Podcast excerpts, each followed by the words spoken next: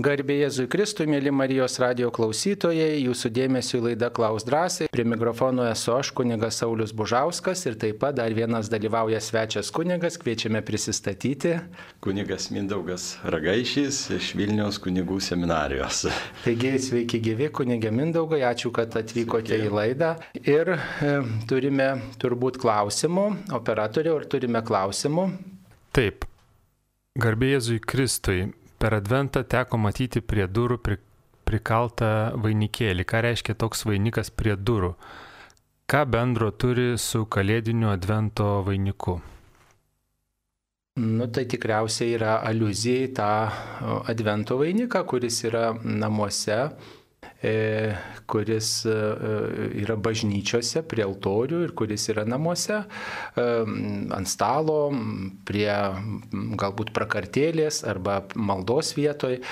Vainikas paprastai primena ratą. Ratas yra amžinybės simbolis. Ir paprastai vainikas pinamas ar ant durų, ar ten prie altoriaus iš amžinai nuolat žaliuojančių augalų, kurie primena amžiną gyvenimą. Tai štai tokia ir simbolika, kad laukiame Kristaus gimimo, kuris mums atnešė amžiną gyvenimą, galimybę dalyvauti amžinam gyvenime. Nu, šiaip paprastai prieš šventės ar laukiant kažko tai vat, brangaus, tai mes namus puošiam. Tai čia vat irgi yra toksai kaip ruošimosi, tokia kaip ruošimosi dalis - papuošti namus. Aišku, gal būna blogai, jeigu vien tik ties išoriniais dalykais apsistojama, nepaliekama vietos vidiniam tam ruošimuisi, bet aišku, vidinė nuostata turi ir išorė atspindėti. Na, šiaip tie patys vainikai, advento vainikai, tai atėję daugiau iš protestantiškų kraštų, bet iš tiesų tradicija gana graži gana graži, prasminga ir tikrai, vat, na, sakykime, vat, jo labiau žmonės galbūt ir parodo savo ir tikėjimą. Jeigu jie laukia kalėdų ir supranta, kas tos kalėdos, tai tada ir tą išoriškai savo namų durų parodo. Taip.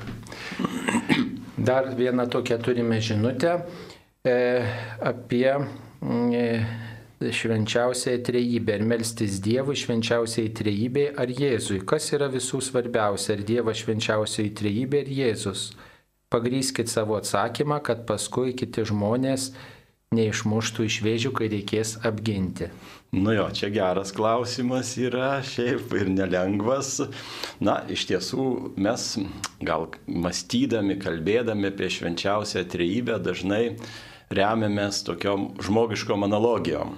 Na, bendrai mes pasaulį žvelgiam, na, pasiremdami tai, ką esam patyrę, išgyvenę ir taip interpretuojam. Tai taip tas pats mes tą patį pritaikom ir švenčiausiai trejybei. Ir tada, na, būna kartais, kad labai jau ją bandom sužmogint. Taip jau kaip mes žmonės įsivaizduojam arba elgiamės, tai turėtų elgtis, atrodo, ir švenčiausia trybė. Nors Dievas iš tiesų yra mūsų pranokstantis, jis yra kuriejas. Ir mūsų logika jam ne visada ir, ir, ir, ir galima pritaikyti, kaip pat pavyzdžiui ir Evangelijose yra ten keletas palyginimų, kur va, Jėzus parodo, kaip va, Dievo elgesys skiriasi nuo žmogaus elgesio. Nors atrodytų racionaliai racionaliai, kaip pavyzdžiui, tas atlyginimas skirtingas vynogino darbininkam išmokėtas buvo. Racionaliai galvojant, žmogiškai galvojant, nu nesąmonė, bet va Dievo logika yra šiek tiek kitokia. Tai čia va irgi gal, va, e, pirmiausiai mastant apie švenčiausią trejybę, jos nereikėtų mums sužmoginti. Bet, sakykime, tas trejybės veikimas, jisai visada yra taip jau kaip visos trejybės išganimo istorijoje. Tik tai vad būna atskiri įvykiai, galbūt priskiriami daugiau vienam ar kitam švenčiausios trejybės asmenį. Todėl maldoje yra labai svarbu, galbūt ir melžiantis, na, turėtų omeny, kad mes melžiamės pirmiausiai Dievui. Kad Dievas yra vienas, viena prigimtis, kaip sakant, Dievo. Dievas vienas, viena prigimtis ir mes į jį kreipiamės. Aišku, mes galim kreiptis ir į paskirus asmenis. Švenčiausios trybės yra trys švenčiausios trybės asmenys ir tas irgi kartais mums galbūt padeda labiau maldą susmenint. Ir ypatingai, kada iš Jėzų Kristų mes e, melžiamės, na tai Jėzus Kristus įsikūnijas, tas, kuris prisėmė žmogišką prigimtį. Jam mūsų vargai, skausmai ir išgyvenimai yra gerai pažįstami. Jis tikrai juos yra pats patyręs. Kaip ir jisai ir į dangų įžengė, turėdamas žmogišką prigimtį, neatsižadėjo jos. Tai todėl tas vat kreipimas į Jėzų Kristų irgi yra prasmingas, bet kai mes melžiamės Jėzui Kristui, tai irgi yra kaip švenčiausias meldimas į švenčiausią treibę, nes viena yra prigimtis, dieviška prigimtis. Tai tokiu atveju čia gal tas skirstimas, toksai vat, noras galbūt padalinti, mums žmonėm yra būdingas. Bet gal tų tikėjimo dalykų nereikėtų mums labai remianti žmogišką patirtimį interpretuoti. Turbūt jeigu mel, meldžiamės vienam trybės asmeniu, tai kiti kažkaip nelieka nuskriausti, ne, ne, kad visi tikrai, dalyvauja tikrai ne, tikrai mūsų ne. maldoje ir, ir visi dalyvauja tam dieviškam gyvenime.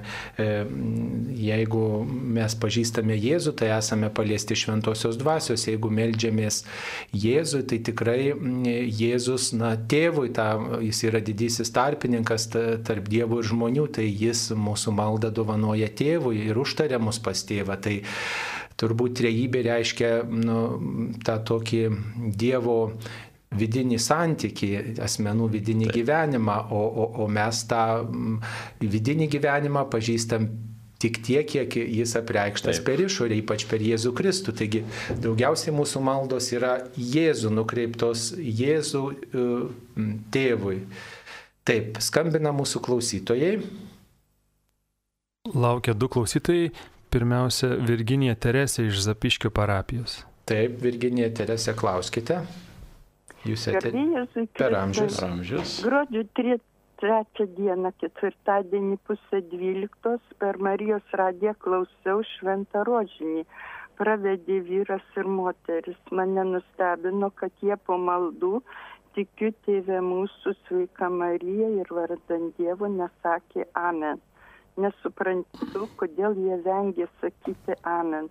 Kitas klausimas. Elektroniniu paštu gavau laišką nuo katalikiškos bendruomenės narės. Man to laiško turinys priminė burtų pinklės. E, dabar trumpai apie tą laiško turinį. Ten prašo angelų apie mane šią naktį tavo problemos bus išspręstos, ten taip toliau, o gale rašo,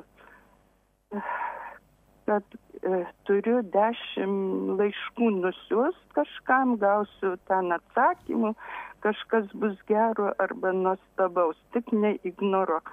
Aš to laiško nesinčiau ir nevykdžiau.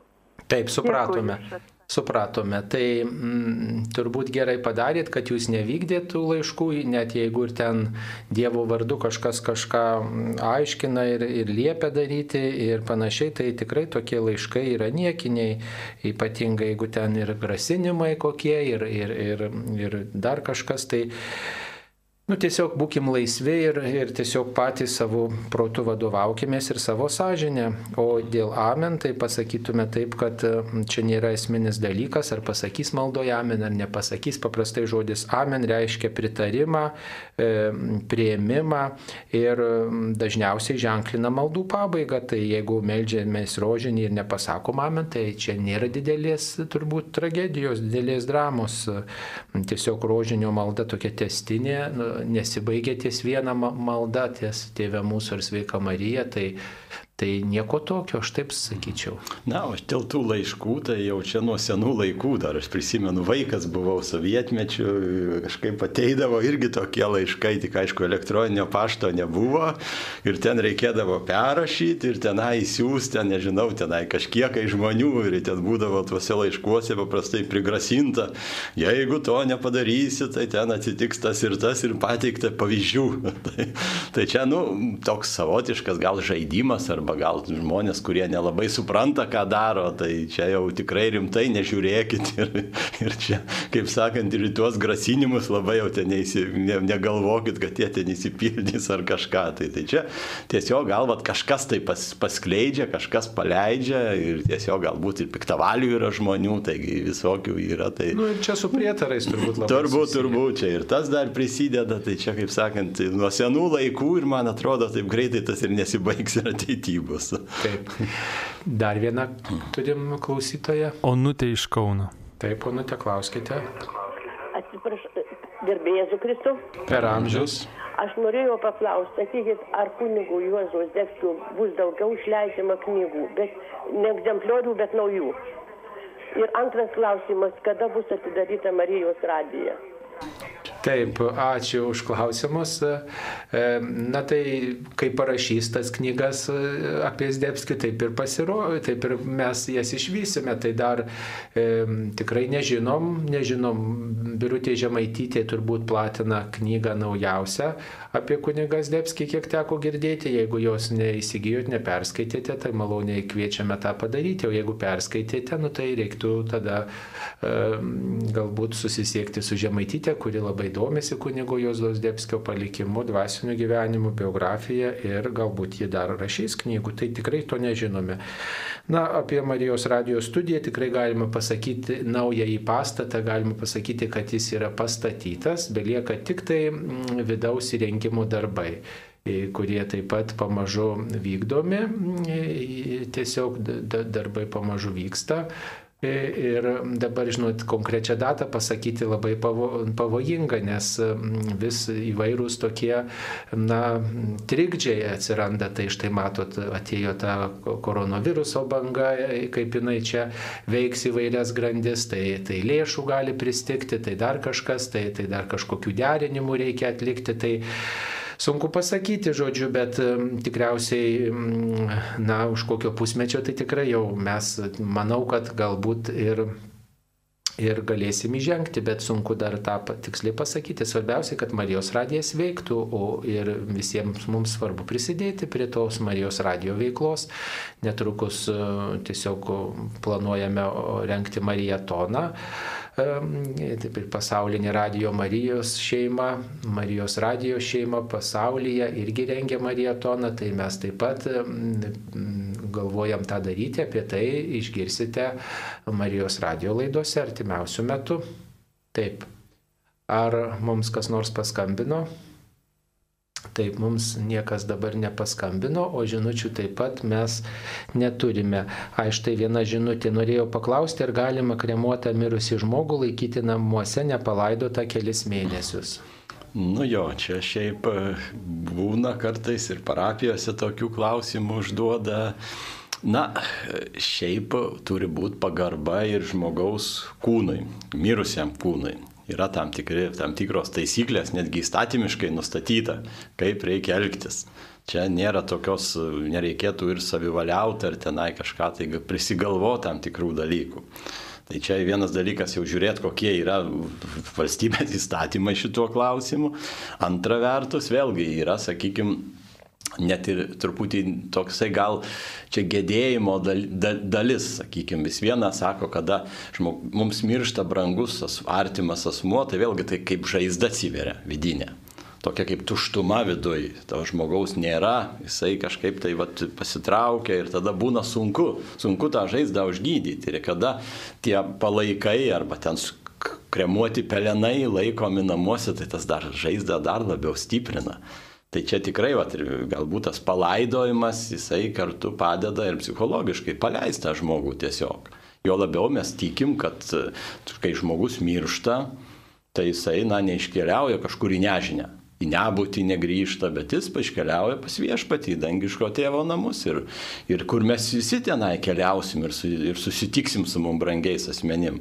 Čia gal tokio atminimo vien tik tai siejimas su ten, urna ar dar su kažkuo tai yra šiek tiek per siaura. Mes turėtume gal vat, tikėjimo, tos krikščioniškos vilties šviesoje žvelgti į mirtį ir tada tiesiog vat, tas palaidojimas yra toks pagarbus kūno, kaip sakant, tiesiog vat, kūną atiduodam žemėje Ir tikim, kad aišku, laikų pabaigoje įvyks ir kūnų prisikėlimas, kad kūnas taip pat dalyvaus amžinoje garbėje, kuriam, kuriam mums Dievas yra paruošęs.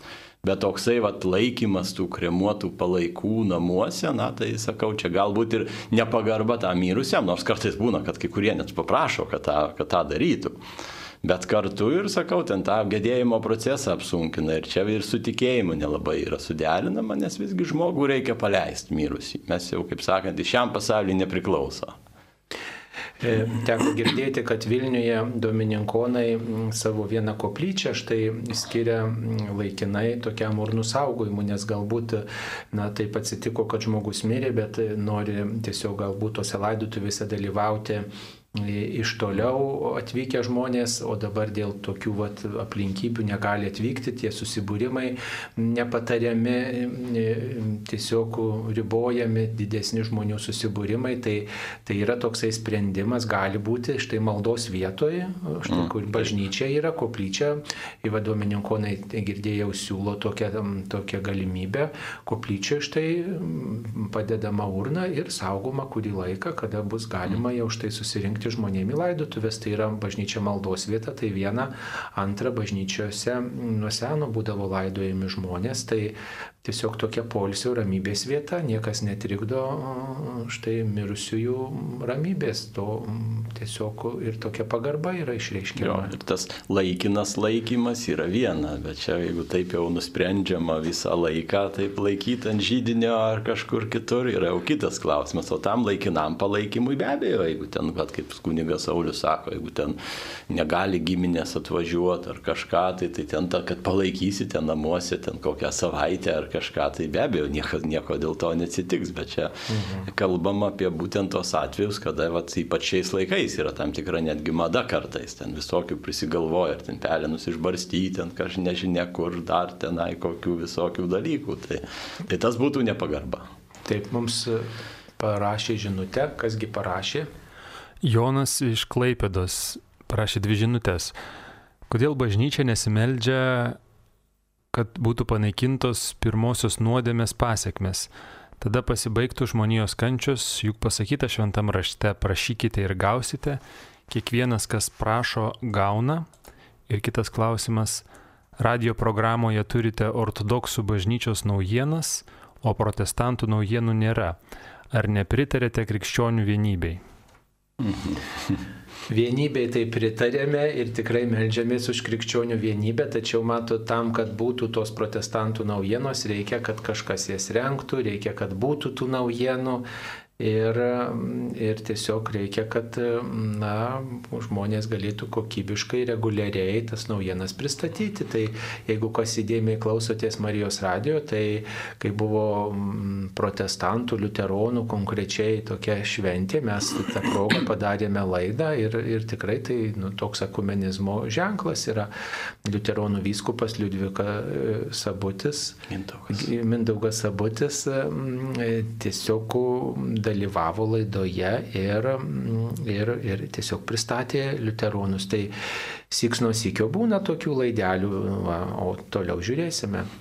Nu jo, dėl to antro, dėl pirmo klausimo, tai na, iš tiesų yra ta gimtoji nuodėmė, kurią mes paveldim ir mes žinom, kad jinai jau yra atpirkta. Tai reiškia, Jėzus Kristus jau mirė už mūsų nuodėmės, taip pat ir už gimtąją nuodėmę ir jinai yra atleidžiama krikšto metu. Nu, jūs, jūs, aišku, klausėt ne apie pačią nuodėmę, bet klausėt apie jos pasiekmes. Tai būtų mirtis, sakykime, žmogaus mirtingumas, lygos, kančios ir taip toliau šitie dalykai. Na, kodėl sakot, kad nesimeldžiamės? Prašom Dievo, kad Jisai mus apsaugotų nuo vairių nelaimių kad tikrai galbūt ir, ir, ir apsaugotų nuo staigios ir netikėtos mirties ir, ir, ir panašiai. Tas, to yra melžiama, bet antra vertus mes kada melžiamės tėvė mūsų maldą, sakom, tiesie tavo valia. Tai čia va irgi krikščioniškam gyvenime yra svarbu atsiduoti į Dievo valią, į Dievo rankas. Kaip sakant, Dievas geriau žino, kas mums tuo ar kitu momentu yra reikalinga. Kartais būna gal, kad gyvenančiam gyvenime, kad žmogų sukrėst ar paragint jį atsiverst, kartais reikia ir tam tikrų ir kartais nemalonių įvykių gyvenime. Visai būna. Ir čia tas, tas, tas kaip ir Dievo pedagogikos dalis, bet aišku, negalim sakyti, kad Dievas nori blogio ir, ir Dievas kūrė blogį tam, kad žmogai būtų kaip botagas žmogų kartais tenai, tuo, tuo botagu išplakti, arba ten, kad jis būtų klusnus. Tai čia irgi būtų neteisingas toksai supratimas, bet Dievas iš tiesų, na, jisai tai, kas mus ištinka, tai dažniausiai tai būna ne tai, kad tos gimtosios nuodėmės pasiekmė, bet mūsų kitų nuodėmių pasiekmes, kurias mes padarom. Kada neklausom Dievo ir tas blogis, aišku, visada atsigrėžia prieš mus pačius. Nebūna tokių nuodėmių, kurio žmogų kaip nors praturtintų arba ten kaip ką nors suteiktų gero. Visos nuodėmės vienaip ar kitaip apiplėšia. Ir, ir čia tokiu atveju, mes kada melžiamės, kad Dievas padėtų mums apsisaugot nuo nuodėmių ir taip toliau, nu, tai mes tuo pačiu ir tų at, gimtosios nuodėmės pasiekmių atprašom, kad padėtų mums, mums jas įveikti. Jos iki laiko, kol dar atpirkimas nėra pilnai, jisai yra įvykdytas, bet dar jisai, kaip sakant, mūsų atveju nėra pilnai gyvendintas iki laiko, iki pasaulio atbaigimo. Tai šiuo momentu mes prašom to Dievo, bet gal taip jau tiesiogiai, kad atsakyti, Dieve, panaikink mūsų ten gimtosios nuodėmės pasiekmes, taip neformuluojam to prašymą, bet kitais žodžiais. Taip, čia yra didi paslaptis, kodėl e, viešpats numirė, bet vis tiek yra tos nuodėmių pasiekmes taip toli nuėjusios, bet uh, bažnyčia teikia atlaidus ir mums taip pat padeda nuodėmių pasiekmes dildyti. Ir mes taip, visi taip, prisidedam prie tų atlaidų lobino gausinimo, galim prisidėti savo maldą ir gerais darbais. Mums paskambino. Paskambino Vytautas iš Raseinių. Taip, Vytautai, jūs eterija, klauskite. Garbėjai su Kristus. Per amžius. Dabar jeigu Jėzus žinojo, kad Judas jį išduos, tai galėjo kaip nors jo atsikratyti ar kaip, tai Aš nesuprantu. Kaip. Taip, supratom. Nu, jo, vėlgi čia toks bandymas žmogiškai aiškinti uh, tuos dieviškus dalykus. Ir be abejo, mes galbūt taip ir būtume pasielgę Jėzaus vietoje, jeigu, jeigu būtume tokią situaciją ir žinotum, kad čia va išdavikas. Nu, tai aišku, dabar jį laikyti savo pašonėje, nu, sakytų, mažų mažiausiai kvailai yra. Bet vėlgi yra Dievo planas. Dievas mums yra slėpinys, Dievo planas irgi mums yra slėpinys. Ir vėlgi mes žinom, kad Dievas davė žmogui brangę dovaną - laisvę. Ir tos laisvės jisai niekada nevaržo. Čia yra kaip, nu, kaip taisyklė, kad Dievas visada leidžia žmogui būti laisvam. Nes jeigu jis to neduotų, na, mes taptume kaip robotais, tiesiog tik tai mechaniškai vykdytume jo valią. Dievas nori, kad mes laisvai pasirinktume valią. Ir jisai ir judo atveju, jisai davė jam galimybę pasirinkti. Judas nebuvo, kaip sakant, jau nuo, nuo amžių nuspręstas, kad tas, kuris išduos, išduos Jėzų. Jis pats to pasirinko. Tai pasirinko, tai buvo jos, jos sprendimas ir Dievas to nevaržo. Ir čia vad galbūt tos Dievo meilės ir yra slėpinys, vėlgi pabrėžiu, slėpinys, kurio mes protu perpras nelabai galbūt ir galėsim proto logiką. Bet Dievas, na, prileidžia tokius dalykus. Kaip ir be abejo Dievas visažinys žinojo, kad, kad pirmieji žmonės nupuls, galėjo neduoti laisvės. Bet Dievas pasielgia kitaip. Tai čia vat, visko ten, ta prasme, žmogiškai atsakyti galbūt yra, yra sudėtinga, žmogiškai galvojant, remianti žmogišką logiką, bet Dievo meilė pranoksta mūsų logiką. Ir čia vat ir yra, kad Jėzus tokiu būdu, tokiu keliu pasirinko, kad įvyktų atpirkimas. Pavyzdžiui, jeigu jisai būtų, jį būtų, iš, sakykime, iš, iš, pirminis Dievo planas buvo išganyti diev, pasaulį per išrinktąją tautą. Bet kai Jėzus atėjo, na, tas planas ne, negalėjo vykti, nes išrinktosios tautos didžioji dalis jį atmetė. Tada buvo pasirinktas kitas kelias, kaip sakant, per kančią ir mirtį, pasiaukojimą. Tai čia vat Dievas irgi jisai vat prisitaiko prie žmonių sprendimų, jisai laisvę žmogaus nevaržo. Ir tada, vat, būtent atsižvelgdamas į laisvę, jisai, vat, ir, kaip sakant, ir pakreipia vieną ar kitą linkmę išganimo tą kelią, kurį, kurį, kuris yra nuo amžių pramatytas. Taip, mums paskambino. Eugenija iš Molėtų rajono. Taip, Eugenija, klauskite. Aš sėdžiu namuose, niekur negaliu išeiti, sveikata prasta. Ir dabar tokie laikai, tai aš į namuose ir Marijėvose radiją. Taip, trumpai paklauskite, trumpai klauskite, ką norite paklausti. Aš noriu paklausti, kad sėdžiu namuose ir melžiuos, bet mišęs išklausau visas viskų, ale kai kokias va visas ražončiai, viskas. Aš sėdėdama melčiuos, aš nepadarau didelės nuodėmės. Ne, nepadarot jokios nuodėmės. Nepadarot nuodėmės, kaip žmogus namuose gali, ypač vyresnio amžiaus ir ar ligonis, taip jis yra kviečiamas tokioj laikysenoje ir melstis, kaip jam patogiau. Tai tikrai nepadarote jokios nuodėmės. Mm, tiesiog nuoširdžiai melskitės, žadinkite troškimą viešpaties artumo, melskitės ne tik už save ir savuosius, bet ir už kitus žmonės, už, už tuos, kurie tokie kaip jūs, tokio amžiaus, už tuos, kurie e, galbūt na, nesimeldžia, už jaunus žmonės, už paklydusius, tiesiog stenkitės trokšti, kad daugybė žmonių savo tikėjimą atrastų ir savo sunkumą, savo lygą, savo amžiaus iššūkius skirkit prie viešpaties kryžiaus, dažnai žvelkite į kryžių ir tą savo silpnumą, negalėjimą galbūt aktyviai būti, Dievui paskirkit kaip tiesiog jo kryžiaus dalį. Taip mums atėjo žinutė. Jeigu esu truputį nuskriaudusi mamytę, o ji dabar mirusi, kaip dabar atsilyginti, ramybės neturėsiu visą likusį gyvenimą? Mhm. Nu, taip jau būna gyvenime, kad kartais padarom klaidų ir visi klaidų darom. Čia šimčių turbūt šiam pasaulyje nebūna, kad tokių būtų tobulų žmonių, kurie sakytų, aš ne vienos klaidos gyvenime nepadariau. Būna, visi klystam ir tam ir yra išpažintis. Tai vad pirmiausiai, galbūt, jeigu kažką tai padarėt netinkamo, gerai atlikite išpažinti. Kad pirmiausiai susitaikyti su Dievu, kad tai, kas buvo kokie vat, buvo tas, koks padarytas blogis, prašyti, kad Dievas išgydytų pirmiausiai. O aišku, jūs dabar laiko atgal neatsuksit ir savo mamytės nesiprašysit, kad, jisai, kad jinai tenai vat, jum atleistų, bet jūs galite už ją melstis. Tai, tai čia irgi yra, man atrodo, daugiau netgi negu kad atsi, vien tik paprastas atsiprašymas. Jūs dabar mirusiesiems tik malda galim padėti. Tai čia vat, vienas dalykas malda, kitas dalykas tai susitaikykit su Dievu, atlikite išpažinti ir tada galbūt tos, to vat, nereikės nešio tos naštos, tos sunkumo, tos nuoskaudos, gal kuria, pasme, tos ši, sąžinės, tos graužaties, kurią dabar jūs išgyvenat. Tiesiog, va, kai susitaikysit su Dievu, gal tikrai palengvės. Taip, ačiū. E, dar vieną žinutę turime. Norėjau paklausti, ar prabanga būtų įsigyti naują daiktą, pavyzdžiui, mašiną ir imti paskolą. Ar geriau pirkti seną daiktą, bet be paskolos? Koks kataliko santykis su finansais paskolomis? Galbūt kartais nebūtina įsigyti turto, o tiesiog jį išsinuomoti. Vėlgi čia toks gana praktiškas klausimas.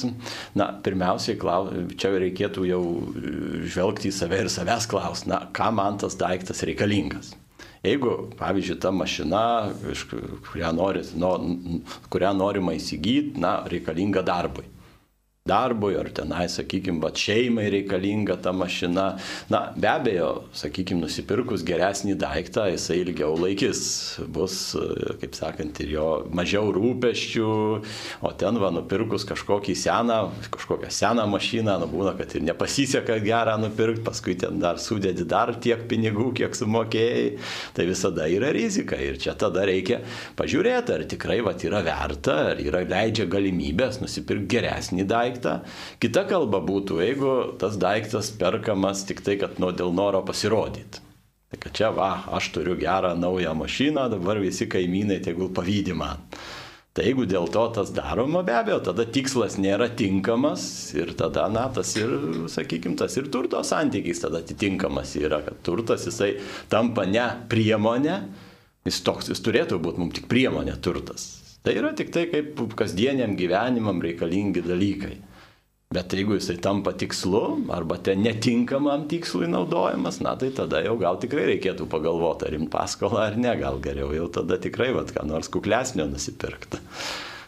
Taip, labai paskaičiuokit, kaip jūs galėsite atiduoti. Paskolas nu labai va, lengva imti ir, ir labai smagu naujus daiktus turėti, bet reikia pas, pagalvoti, paskaičiuoti, planuoti e, atsakingai, ar tikrai galėsiu, ar bus iš ko atiduoti, ar tikrai atsakingai galiu imti tokį įsipareigojimą ir tada nebus pavojaus nei man, nei mano artimiesiems šitoj srity reikia turbūt pasverti riziką. Taip.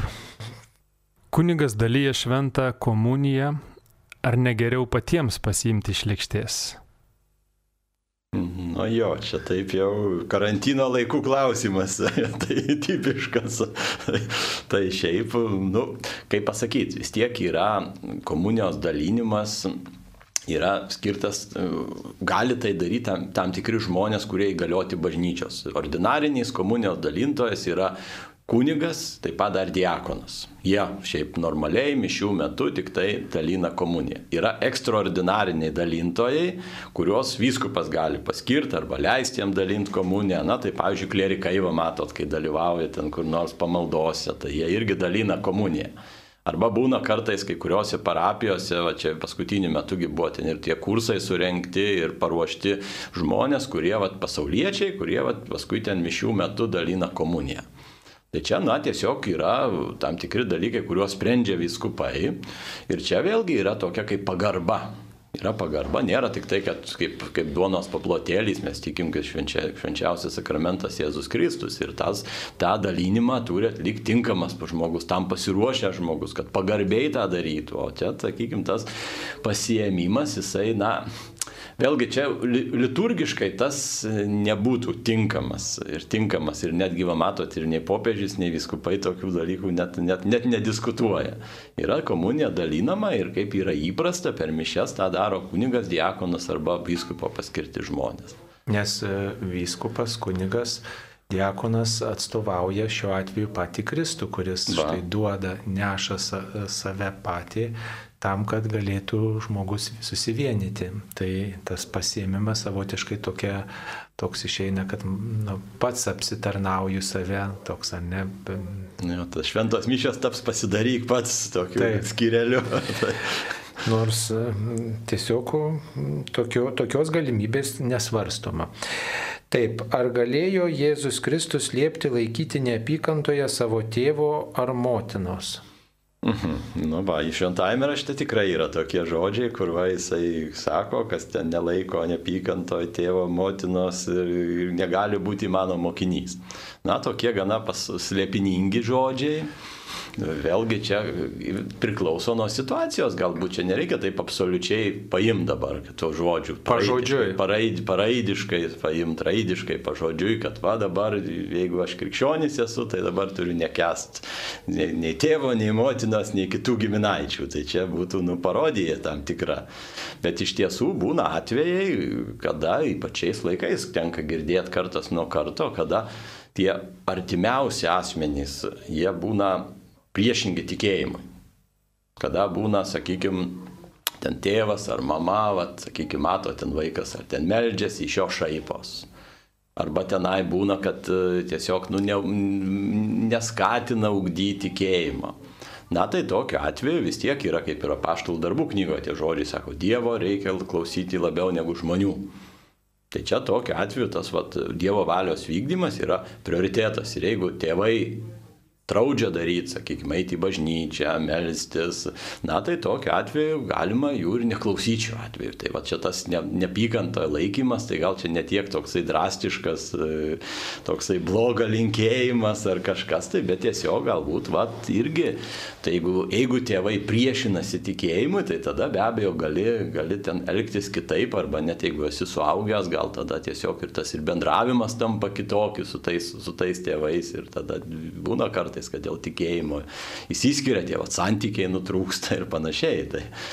Na čia e, švento rašto žinovai sako, kad yra tam tikras toks e, frazeologizmas, reiškia mylėti labiau, jo, laikyti neapykantoje, tai reiškia mm, mylėti mažiau tuos žmonės, o mylėti labiau Dievą, tai tiesiog už savo artimųjų, net už savo mm, žmonių, kurie mums brangus, pastebėti Dievą kaip svarbiausia, kaip jo. tą, kuris net jums tuos artimuosius dovanojo, laikinai dovanojo, o viešpats yra amžinas. Jo, tai čia yra toks hebraizmas, yra hebraizmas ir šiaip atrodo Morkaus Evangelijoje, bet ir kaip Saulis ir sako, yra jau žodžiai apie tai, kad kas myli labiau ten tėvą, motiną nei mane, tai va, tai čia taip. Nevertas mane. Taip. taip, mums paskambino.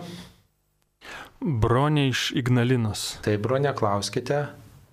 Aš kiek klausiu, sakau, adventos, ar galima paklausyti, kaip per, per televizorių dainas pageidavimą pageidavimą būna, ar galima paklausyti. Taip, supratome. Taip, tai aišku, kad galima paklausyti, matot, adventas nėra gavėne, nes nors ir ta pati spalva violetinė tokia akcentuojama, liturgija violetinė spalva papuošta, tačiau yra toks džiugus metas. Jeigu jūs paklausysite koncerto ar tiesiog dainininko, ar per televizorių pažiūrėsite tikrai e, kokią laidą linksmesnę, nieko nuo to neatsitiks, bet supraskite, kad laikas advento yra yra ir taip pat e, reikia turbūt ir šalia to ir tylos laiko atrasti tokio ir tam tikrus pamaldumus gal specifinius atrasti Marijos valandas, pavyzdžiui, ar paskaityti, ar pagėdoti taip, kaip jūs mokate, taip prisiminti, tiesiog išgyventi va, tą tokį Dievo laukimą, aš laukiu Dievo, laukiu viešpaties, kada jis ateis laikų pabaigoje, laukiu to susitikimo mirties valandos, ruošiuosi tam, ką gerą galiu padaryti, kaip čia sakramentus galėčiau priimti, kaip pasitiksiu viešpaties gimimo iškilmę ir, ir tikrai mm, ar tas, tas viešpats ateina į mano širdį, ar, ar jis randa ją paruoštą, ar laukiu viešpaties to, to šventės. Ir taip pat artimo labai, ką galiu padaryti. Tai Tai štai tokia būtų laikysena ir tas toks džiugus laukimas. Aišku, besilaukianti moteris, gal jūs net ir geriau žinot už mus, kad besilaukianti moteris, ji tiesiog nevaikšto nei ten į diskotekas, nei, nei, nei trankius tuos susitikimus kažkokius, bet tokioj ramybei laukia. Tai to, tokia buvo, buvo tradicija, tas tylus, ramus vidinis džiaugsmas toks. Tai kad jūs ten koncertą pasižiūrėsite, tikrai nesudrums tikriausiai jūsų tos vidinės ramybės, taikos ypatingai, jeigu jums tas koncertas praskaidrina nuotaiką, to, tokio džiugesio atneša, tačiau tas džiaugsmas turėtų būti ne tik tas, žinot, iš televizoriaus trykštantis e, džiaugsmas ar ta tokia nuotaika, bet tas toks vidinis džiaugsmas, kad esu tikinti, kad esu myliu Dievą, kad trokštų priimti komuniją, kad, kad net ir po mirties mano gyvenimas nesibaigs, kad viskas laikina, bet aš dalyvauju amžinuose dalykuose, kad aš renkuosi Dievą ir kad tai yra, na, tam tikra dovana, kad vis dėlto mes turim tikėjimo dovaną, kad e, turim tikėjimo lobį, turim tikėjimo kelią pas viešpatį ir, ir dėl to mes, mes tiesiog tokią ramybę jaučiam, tokį, tokią nuotaiką, turim viltį, turim net kartais, jeigu ir sunku ar liūdna, bet, bet už to mes vis tiek pastebim viešpaties veikimą. Taip mums paskambino.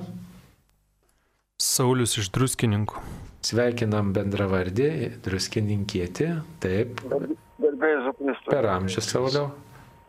Čia e, yra liturginis maldynas viskupų e, konferencijos leidinys. E, ir ten yra pagrindinės tiesos, kad e, pirmoji, nu, to išvardinsiu, perskaitysiu. Svarbiausias tikėjimo tiesos. Pirm, Išjunkit savo radiją, labai, žinokit, fonuoja mes. Gerai, gerai, šlapuoju. Taip, klauskite. Tikėjimo tiesa. Tikėjimo tiesa. Pirmo yra vienas Dievas trijose asmenyse. Dievas tėvas, Dievas sunus ir Dievas šventoji dvasia. Antroji Dievas sunus yra tapęs žmogumi ir numyręs dėl mūsų išganimo.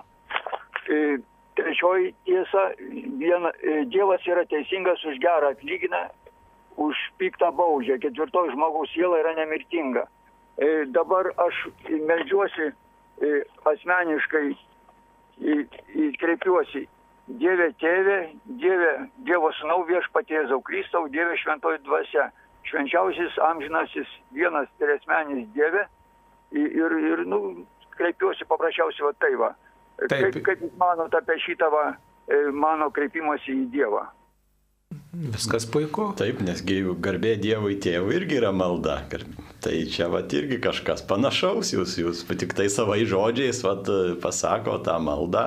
Aišku, galite ir tą bažnyčios nustatytą maldą melstis. Irgi tas bus, bus tas pats, garbinsit švenčiausią trejybę. Taip, tai tikrai gerai, kad jūs remiatės maldaknygė ir gerai, kad pagerbėte švenčiausios trybės asmenys. Mums parašė žinutę, kasgi parašė. Dvi žinutės susijusios su karantinu.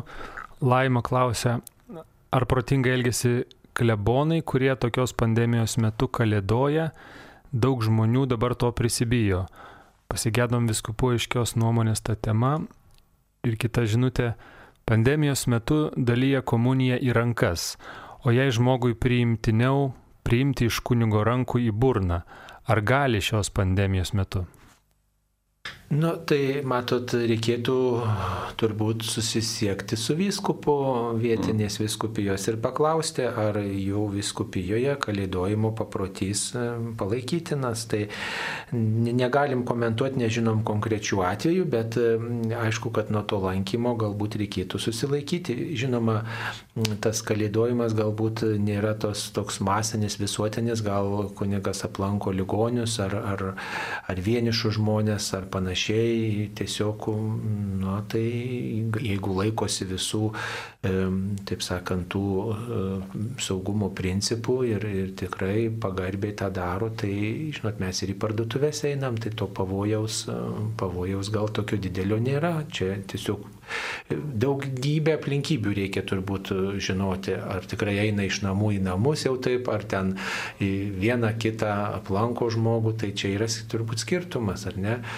Ir taip kaip mes tiesiog einam apsipirkti, kaip mes einam būtiniausius savo vykdyti įsipareigojimus, taip ir galbūt kunigo įsipareigojimas yra to žmonės vienišus lankyti, šiaip tai tas kalėdojimas yra net ir numatytas bažnytiniam teisinė, kalėdojimas, lankymas yra net ir pareiga tokia klebono pažinti parapiečius ir, ir tiesiog aplankyti jų, jų gyvenamoje vietoje. Žinoma, šiuo laiku gal tai yra apsunkinta arba kartais gal ir neįmanoma, tačiau galbūt įmanoma surasti kažkokį kūrybingą dalyką. Tai jeigu jūs bijot įsileisti, nenorit, tai jūs galite tą ir padaryti, pasakyti, paskambinti arba tiesiog neįsileisti ir viskas. Ir nieko čia tokio nebus, neįsileidžiat ir viskas, nes baiminatės tiesiog šio pandemijos laiku kažkokiu kontaktu. Tai čia paprastas dalykas, ar ne? O jeigu jums tai neramina,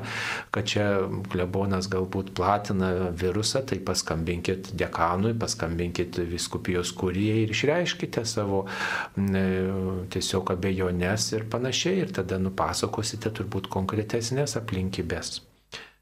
Taip. O kitas klausimas apie komunijos dalinimą į burną. Gal jūs kunigė ką galėtumėt pasakyti? Nu jo, čia tas dabar gyvenam tokio išskirtiniai situacijoje. Tai čia va jūs ir ir pirmo žinutė jau tas nuskambėjo, kad ta situacija išskirtinė, šiaip normaliu atveju. Tai šiaip, kad jeigu pageidauja priimti į burną, na tai kunigas turi duoti. Normaliu atveju. Bet jeigu yra, sakykime, tam tikri apribojimai įvesti ne šiaip savo, jie yra dėl tam iškilusių pavojų, nu tai reikia tada atitinkamai ir atsižvelgti. Ir yra šiaip bažnyčia ne, nenorėdama kažką atimti iš tikinčiųjų, dabar vat įvedė, kad į rankas tik tai komunija priimama. Tai čia vėlgi reikia vadovautis ir sveikų protų, ne tai, kad interpretuoti, sakyti, nu, čia dabar keičia iš karto jau bažnyčios mokymą ar kažką tai panašaus. Čia yra išimtiniai, išimtiniai atvejai. Išimtiniai atvejai ir jeigu ten būna, gal tai žmogus turi kažkokiu tai, na, sunkumų priimti ten į rankas, nu tai gal irgi kunigas dalinantis komuniją, gal irgi ten galės pritaikyti šimtinį atvejį. Tai čia vėlgi visada yra, arba galima tiesiog nuėjus į zakristiją paklausti prieš mišęs ar kažką, tai, nu, tai čia visai, visai galima įspręsti. Tai čia, sakyčiau, gal nereikia taip jau to dramatizuoti ir sakyti, kad va dabar jau čia atėmė galimybę ir viskas pasikeis situacija, bus ir kitaip tas daroma. Tai. Nu, matote, jeigu ten rankos dreba žmogui, jeigu jisai ten, nu, vat, tas judėjimo sutrikimai negali, jisai ten eiti su lasdelė, turi pasiremščiuoti ar dar kažkas, tai tada aišku, kad įmanoma turbūt ir į burną priimti šventą komuniją. O šiaip tai nereikia bijoti, jeigu pagarbiai mes priimsime ir į ranką. Ištiesiam e, tiesiog kairę ranką, po kairę ranką padedam dešinę, kunigas pagarbiai įdeda ostiją konsekruotą komunikantą į mūsų kairę ranką, mes tiesiog pagarbiai dešinę ranką paimam dviem pirštais šventąją komuniją ir priimame, tai tiesiog imkite ir valgykite. Jėzus sakė to žodžius, tai mes štai paimam duoną, kurią mums duoda, duoną, kurioje pats viešpats pasilieka ir ją priimame. Senovinis paprotys, pagarbus paprotys ir jeigu pastebim, kad trupinėlis kažkoks liko mūsų delne, tai tą trupinėlį pagarbiai priimam.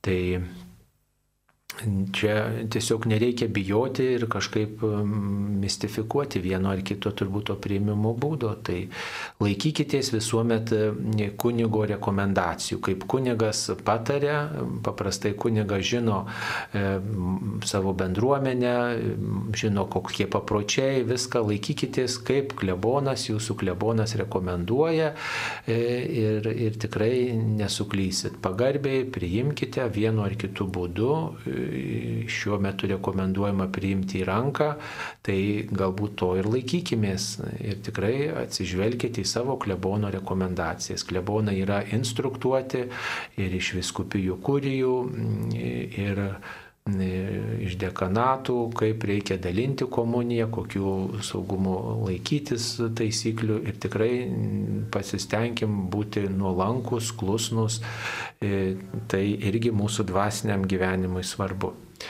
Taip, mums paskambino. Artūras iš Kauno. Taip, Artūrai, klauskite. Garbėjai Zikristi. Per amžius.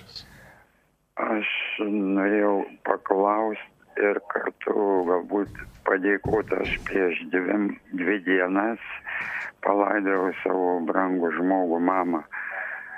Ir aš būtų klausimas toks, ar per užmirštumą, ar kaip.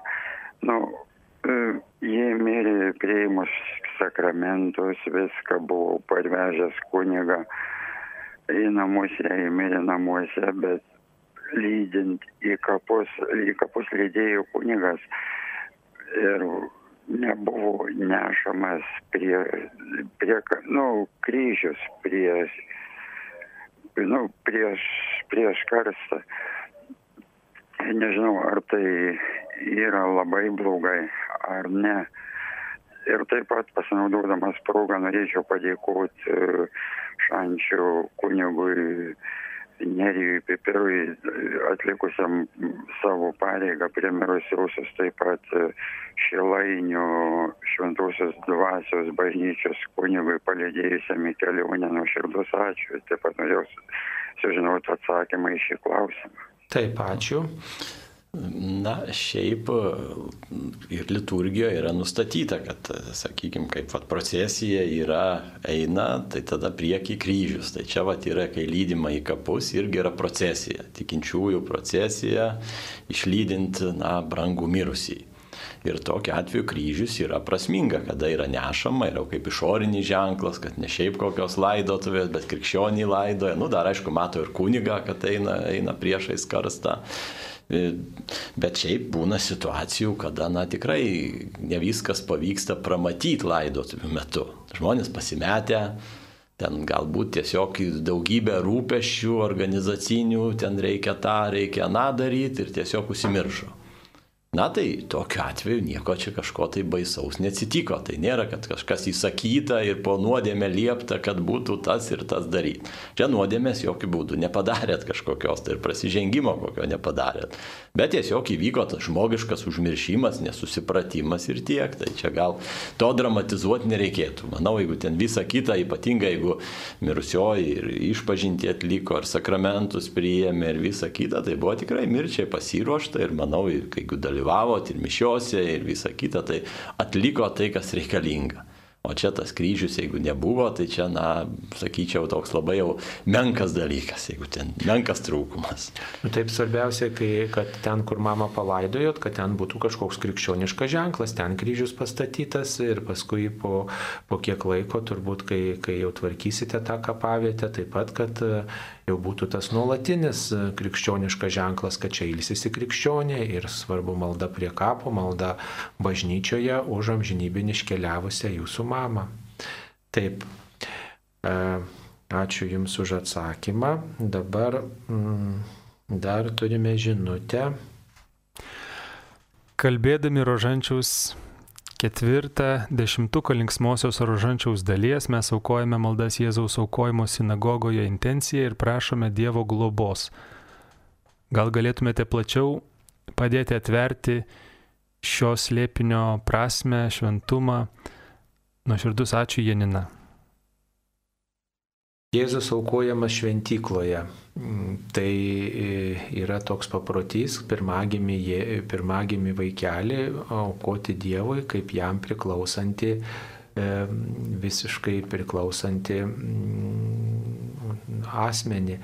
E, tiesiog tai yra padėka Dievui ir toks išpažinimas, kad viskas, kas, kas yra, na, atėjo į mano gyvenimą, viskas priklauso Dievui. Tok, toks yra tokia tokia tradicija, kuri, reiškia, įamžinta ir Evangelijose ir kartu mums tai primena vieną tokį dalyką, kad e, mes taip pat, e, ką, ką, ką turime, kas mums priklauso, kas, ką, ką galbūt uždirbome, nėra vien tik tai mūsų, kad e, vis tiek sugebėtume Dievui pavesti prisimintume jo viršenybę ir jį kaip viso mūsų gyvenimo tikslą.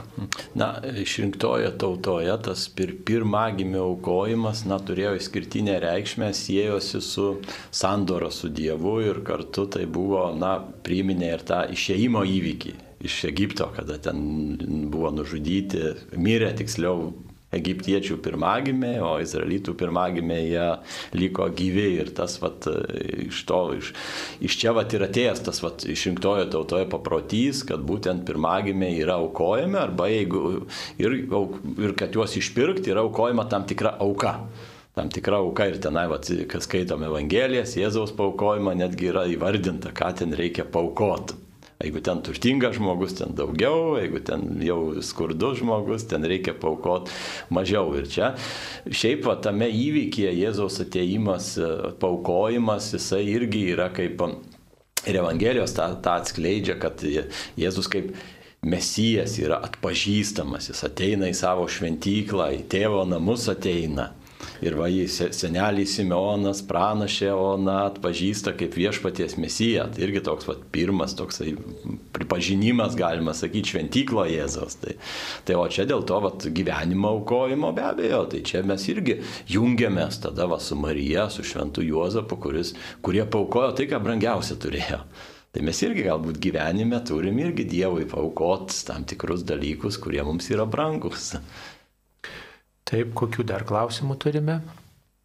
Taip. Skambutis skambina Antanas iš Pakaunės. Antanai, prašau, paklauskite į eterį. Labadiena. Labadiena. E, mėgstu skaityti ir e, dažnai randu tokias savokas e, žmogaus siela, žmogaus dvasia Ilgą laiką galvojau, kad tai sinonimai, bet dabar radau pas vieną, pas kitą autorių, nedviprasmiškai, kad tai yra skirtingi dalykai. Gal jūs galėtumėt paaiškinti, koks čia gali būti skirtumas ir, ir nurodyt, kur galėčiau pats giliau truputėlį pasidomėti, paskaityti.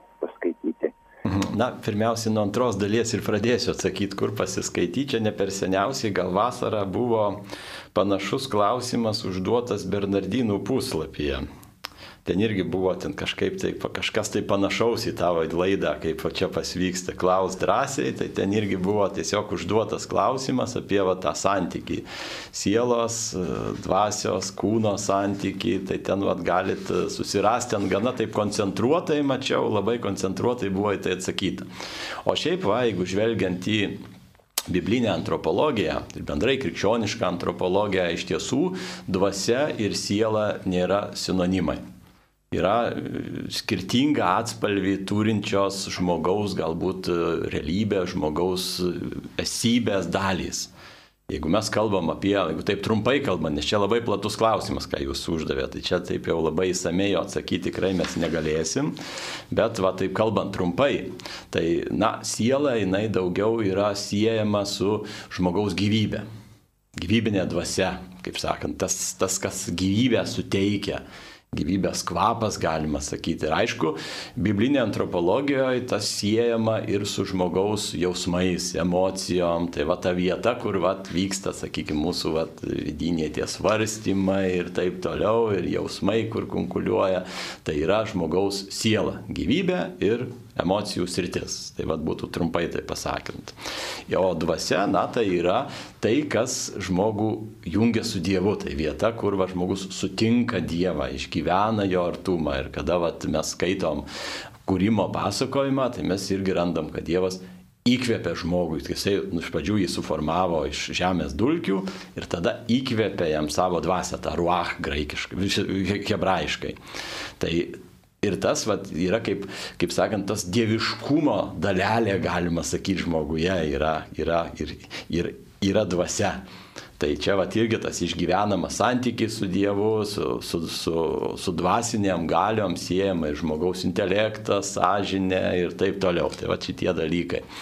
Šiaip galbūt taip jau skirstyti paskutiniu metu gal tas e, nėra taip pabrėžiama, daugiau yra mūsų laikais kalbama apie dvasinę sielą, kad yra ir siela, ir, kaip sakant, to, tos realybės nėra jos atskirtos viena nuo kitos, jos yra persipinusios tampriai persipinusios viena su kita. Ir todėl vat, galbūt tas pasakymas dvasinė siela yra šiek tiek e, toks tikslesnis, kuris parodo, kad mes, na, irgi ir turim ir, ir, ir, ir gyvybę, ir, ir emocijas, bet kartu esam ir daugiau nei tai. Mes esam paskirti, pakviesti į santykį su Dievu.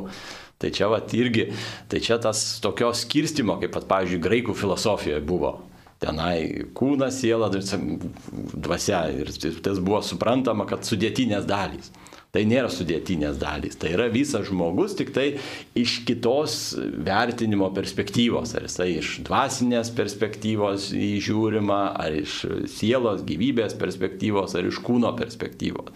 Tai čia tasai toks dalinimas, jis irgi nėra labai tikslus, kaip sakant, čia vėlgi visada reikia turėti omeny, kad tos tikrovės yra persipinę mumise. Jos ne, jų skirstyti mes negalim, jo labiau supriešinti, kada savų laikų yra buvę tokių tendencijų, kad vat, sielą, dvasinę, dvasinį pradą, dvasinę sielą priešino su kūnu, kad kūnas yra blogis arba kaip Platonas sakė, na, sielos kalėjimas. Tai čia irgi būtų nekrikščioniška. Žiūrint, kokią literatūrą jūs skaitot, vienur tai yra, tai yra laikoma, reiškia, tokiais skirtingais dalykais, o pavyzdžiui, katekizme e, sielos tas terminas vartojamas apibūdinti žmogaus tam dvasiniam pradmeniui. Tai ir pabrėžiama dar ta dvasinė siela tokia. Tai e, galite ir katekizme plačiau apie tai pasiskaityti didžiajam katalikų bažnyčios katekizme. Žitėjo žinutė. Adventas tai džiaugsmingas laukimo laikas. Ar tinka kryžiaus kelio malda? Ir ką reiškia rarotinė žvakė perrišta kaspinėliu?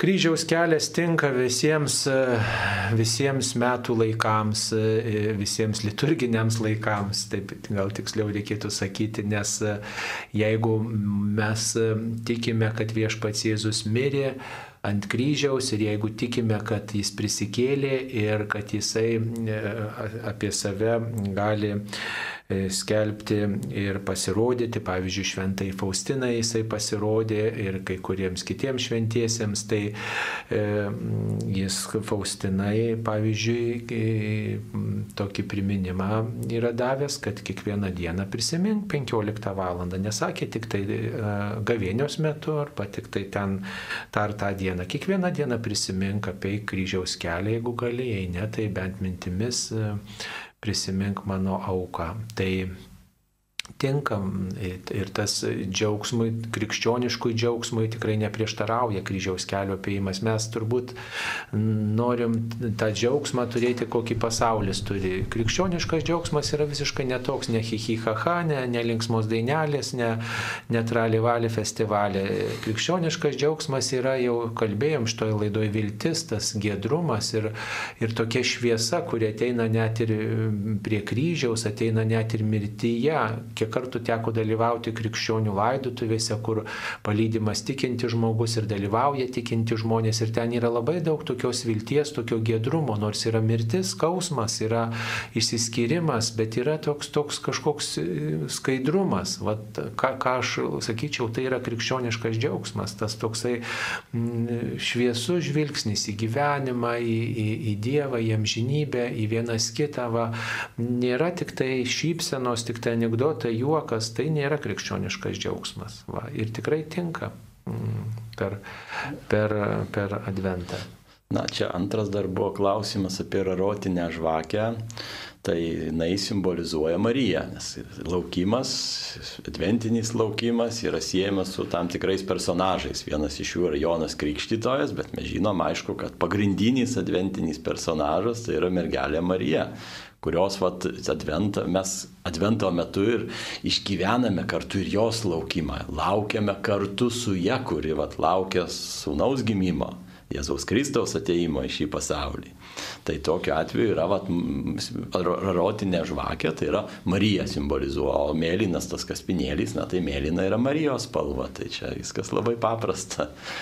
Taip, jie, jie tiesiog ta, atnešė mums tą šviesą į šį pasaulį, taip kaip mes tamsoj dalyvaujam rarotinėse pamaldose šventant, taip ir savo gyvenimo sutemose laukiam viešpaties, kad jis atleistų, kad jis paguostų, kad jis sustiprintų.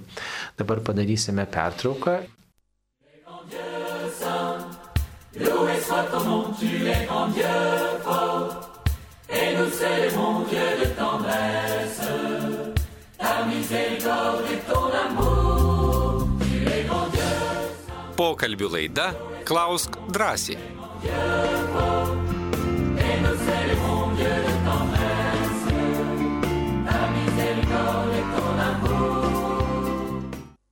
Tęsėme laidą, mėly Marijos radio klausytojai, laida Klaus drąsiai. Šioje laidoje dalyvauja kunigas Mindaugas Ragaišis ir aš kunigas Saulis Bužauskas. Turime žinučių. Praktikuojanti katalikė su pusėtinai praktikuojančiu kataliku užbaigė civilinę metrikaciją ir pradeda gyventi su vyru tik civilinėje santokoje be bažnytinio santokos sakramento. Ką tai reiškia, ar jie patenka į ekskomuniką? Nu jo, nu pirmiausiai klausimas labai taip, na, neaiškiai suformuluotas šiek tiek, bet, nu, daug maž supratau, kad klausima, kad gyvena be bažnytinės santokos ir ar tai reiškia, kad gyvena, jie, jie atskirti nuo bažnyčios. Na, trumpai atsakant, tikrai ekskomunikuoti nėra ir dabartinis popiežius nekarta tą yra pabrėžęs. Jeigu gyvena tik civilinėje santokoje ir būna dažniausiai tai tokie žmonės, kurie jau iki tol turėjo anksčiau santokas ir jau nelabai gali ką ir pakeisti, arba ten bažnytiniam teisme kartais būna, kad ir, ir ten nepadeda ir negali ten anuliuoti santokos. Tai tokiu atveju ekskomunikos nėra, bet aišku, tas gyvenimas, na, nėra taip jau, kaip sakant, reguliarus, toksai tinkamas be bažnytinės santokos, nėra bažnyčios skatinamas, nes vis tiek santoka yra svarbus, svarbi gyvenimo dalis. Ir tam reikalinga Dievo palaima ir vienas iš septynių sakramentų tam skirtas. Ir tada, na, aš sakykime, ta Dievo malonė visada reikalinga gyvenimui. Ir šiuo atveju, jeigu, sakykime, žmogus gyvena be to Dievo palaiminimo, be abejo, yra laikoma kaip gyvenimas nuodėmė. Tai yra, na, dėl to ir, ir, ir, ir sakykime, ir negali priiminėti ir komunijos. Na, problemų kyla ir su išpažinties atlikimu, nes ateit gali prie klausyklos, pasakyti savo nuodėmės, bet iširšimo negaus. Bet ekskomunikuoti tikrai nėra. Ir tokiu atveju ateiti į bažnyčią, dalyvauti mišiose, prie durųgi niekas netikrina, ar su bažnytinė santoka ar ne. Tai tikrai tą, tą gali ir turi daryti. Vaikus, jeigu gimsta santokoje, kad ir civilinė, irgi turi ir krikštyti, ir krikščioniškai auklėti ir taip toliau. Melstis irgi. Tai čia bet kokiu atveju, aš kaip visada sakau, na Dievas mus vertina ne pagal tai, kiek mes padarom, bet kiek mes tengiamės. Tai ir čia, va, jeigu yra geros pastangos ir ypatingai jeigu tokia situacija, kad kažką jau pakeisti sunkiai įmanoma, tai manau Dievas į to žmogaus geras pastangas atsižvelgs. Taip, ačiū, man paskambino. Teresė iš Vilniaus. Taip, Teresė, klauskite. Kodėl nekalba kryžiaus kelią iš maldaknygių? Taip, kalba įvairius kryžiaus kelius. Nėra pasakyta, kad reikia tik iš maldaknygių. Yra didžiulė įvairovė kryžiaus kelių ir tai įvairovę mes pasinaudojame. O privačiai mes galime melstis ir iš maldaknygių, taip kaip mums patinka. Atėjo trumpoji žinutė. Žmona po santokos daug laiko skiria savanorystėje psichologinėje linijoje nuotoliniu būdu iš namų Ji teigia, kad tai jai svarbiau už studijas darbą. Kai pasiūliau sumažinti savanorystės laiką, supyko ir teigia, kad taip trukdau jai padėti kitiems. Galbūt aš čia iš tikrųjų neteisus? Nu jo, šitą klausimą atsakyti yra sunku nežinant aplinkybių. Nes čia vėlgi daug kas priklauso, kokia ta situacija. Jeigu ten, pavyzdžiui, savanorystėje skiriamas visas laikas ir tada, pavyzdžiui, ten nesirūpinama vaikais, kaip taip, taip sakant, apleidžiamos tiesioginės pareigos. Tada, na, be abejo, savanorystė tai čia paprastai atliekama laiku, kada jau ten, sakykime, tie pagrindiniai darbai būna atlikti, tada paskiri dar laiko kitiem. Bet yra, sakykime, kad ir pareigos šeimoje, sutoktinių pareigos vienas kitam. Ir čia yra vėlgi tam tikras, sakyčiau, šioje vietoje prioritetas. Ir čia visada reikia pasvert. Ar nėra taip jau, kaip sakant, ne visai tinkamai sudėlioti prioritetai, kad pirmą planą iškeliama ten tik tai vien pagalba kitiem, o pagalba tiem, kurie yra šalia. Jinai, jos, jos nesulaukia. Bet čia sakau, aš apie konkrečią situaciją tikrai nevertinu ir ne, negaliu pasakyti, nežinodamas aplinkybių, bet čia tik tai va tokios kaip bendras principas, kad žiūrėt, ar atliekamos pagrindinės pareigos, kaip su toktiniu, ar tenai mamos, tėvų pareigos. Ir tada žiūrėti, jeigu ten lieka laiko, be abejo, tai savanorystė yra prasmingas ir geras dalykas. Ir mes kaip krikščionys turim daryti ir artimo meilės darbus kalbėkite su savo žmona, ne, nesakykite aš teisus ar ji teisi, kalbėkite tiesiog kaip geriau, e, kaip ji jaučiasi, kaip jai padėti, galbūt jai reikia padėti kai kuriuos atlikti namų ruošos darbus e, ir taip pat galbūt ir jūs įsijungsite į savanorystę ar panašiai, svarbu, kad būtų supratimas, o ne, o ne ten, kuris teisus pagalba vienas kitam teikiama ir, ir parama, o ne tik tai skirstimas, kas teisus, o kas ne. Atėjų turime žinutę. Per pirmąjį karantiną iš Vilniaus bažnytinio tribunolo gautas neigiamas atsakymas dėl prašymo pradėti santokos anuliavimą. Ar galima teikti apeliaciją, kur ir per kiek laiko? Ačiū Egidijus. Na, dėl apeliacijos, tai kada gaunamas neigiamas atsakymas, apeliuot galima ir ten jau sprendime, kurį jūs gavot, turėjo būti parašyta per kiek dienų. Paprastai atrodo 15 naudingo darbo dienų, jeigu tiksliai atsimenu, aš dabar tiksliai ne, ne, negaliu pasakyti. Bet e, šiaip, jeigu ten buvo kokios pateisinamos priežastys, kodėl per tą laiką jūs negalėjot kreiptis, be abejo, tą tada reikės tribunolė, kai atnešit įvardinti. O šiaip reikia pateikti tam tribunolui, kuris, iš kurio yra gautas neigiamas atsakymas, kuris, kitaip sakant, nagrinėjo jūsų bylą, ten tada tą apeliaciją galima pateikti, ją reikia pateikti raštiškai. Taip, e, turime žinutę dar. E, Dar žinutę turime. Taip, perskaitykite operatoriau. Ar per pasninką galima valgyti vištieną ir saldainius? Na, na va, kaip sako, labai jau konkrečių dalykų klausiama. Na, na, pasnikas yra susilaikimas. Vėlgi, tas susilaikimas, na, yra taip įprasta, kad, na, nuo mėsiškų valgių, tai šiaip bent jau mūsų krašte ir mūsų kraštuose višta laikoma, na, kaip gyvūnas. Tai, tai tada tas irgi įeina į tai. Bet aišku, yra truputį per siaura, kada pasnikas vien tik tai apribojama ten e, mėsos valgymo ar nevalgymo, ta vadinama abstinencija. Iš tiesų bažnyčios mintis, kada mus kviečia susilaikyti, pasnikauti, yra, daug, yra šiek tiek platesnė. Ji nori, kad mes, sakykime, vėlgi taip jau krikščion, tvirtintum krikščioniško gyvenimo pagrindus, kad va, ta kova su nuodėme reikalinga, kovai su nuodėme reikalinga valios, tvirtos valios ir čia tas atsisakymas, jisai būtent tą valią ir ugdo mumise. Tai dėl to, va, sakykime, tas būna kartais, kad atsisako žmogus ne vien tik tai mėsos, bet jis pasižiūrė, ha, aš gyvenime turiu priklausomybę, pavyzdžiui, saldumynam. Na tai be abejo, tada per adventą jis gali taip jau savanoriškai, gal kartais ir pasitarę su dvasios tėvu, priimti tokį sprendimą. Susilaikysiu, čia per adventą nevalgysiu saldainių. Nors tas nėra, ne, neįeina į penktadienių to vadinamos abstinencijos arba to pasniko reikalavimą. Niek, niekur nėra parašyta, kad saldainių negalima valgyti. Bet tas žmogus vien tik tai dėl savo kaip sakant, dvasinių dalykų, dvasinio gyvenimo, gali priimti tokį sprendimą. Ir jeigu jisai tokį sprendimą priėmė, na tai jis jo laikos ir tada jį galbūt ne tai, kad sakytų, o čia neparašyta, ką tu dabar saldainių nevalgai. Ne, tiesiog reikia gal palaikytame, paskatint, kad jisai, o gerai, kad laikai, kad stengiesi ugdyti save ir taip toliau.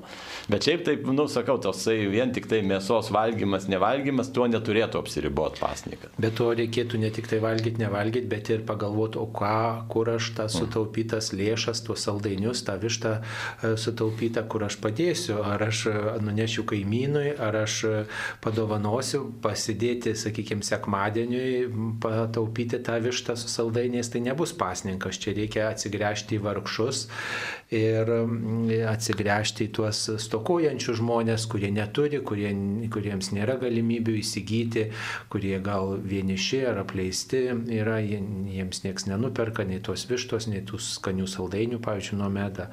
E, e, tai tada galima tiesiog jiems nunešti ir tokiu būdu tas pasninko tas principas labiau įgyvendinamas. O šiaip e, abstinencija tai yra susilaikimas, tokia jau taisyklė paprasta, kad susilaikimas nuo mėsiškų valgių visais metų penktadieniais, jeigu tai nėra iškilmė, o, o pasninkas tai yra, kai aš valgau vieną kartą stipriau, na tai ten daugiau šiek tiek užvalgau, o kitus kartus tik lengvai, užva, lengvai kažką užkandu. Tai va čia yra pasninkas.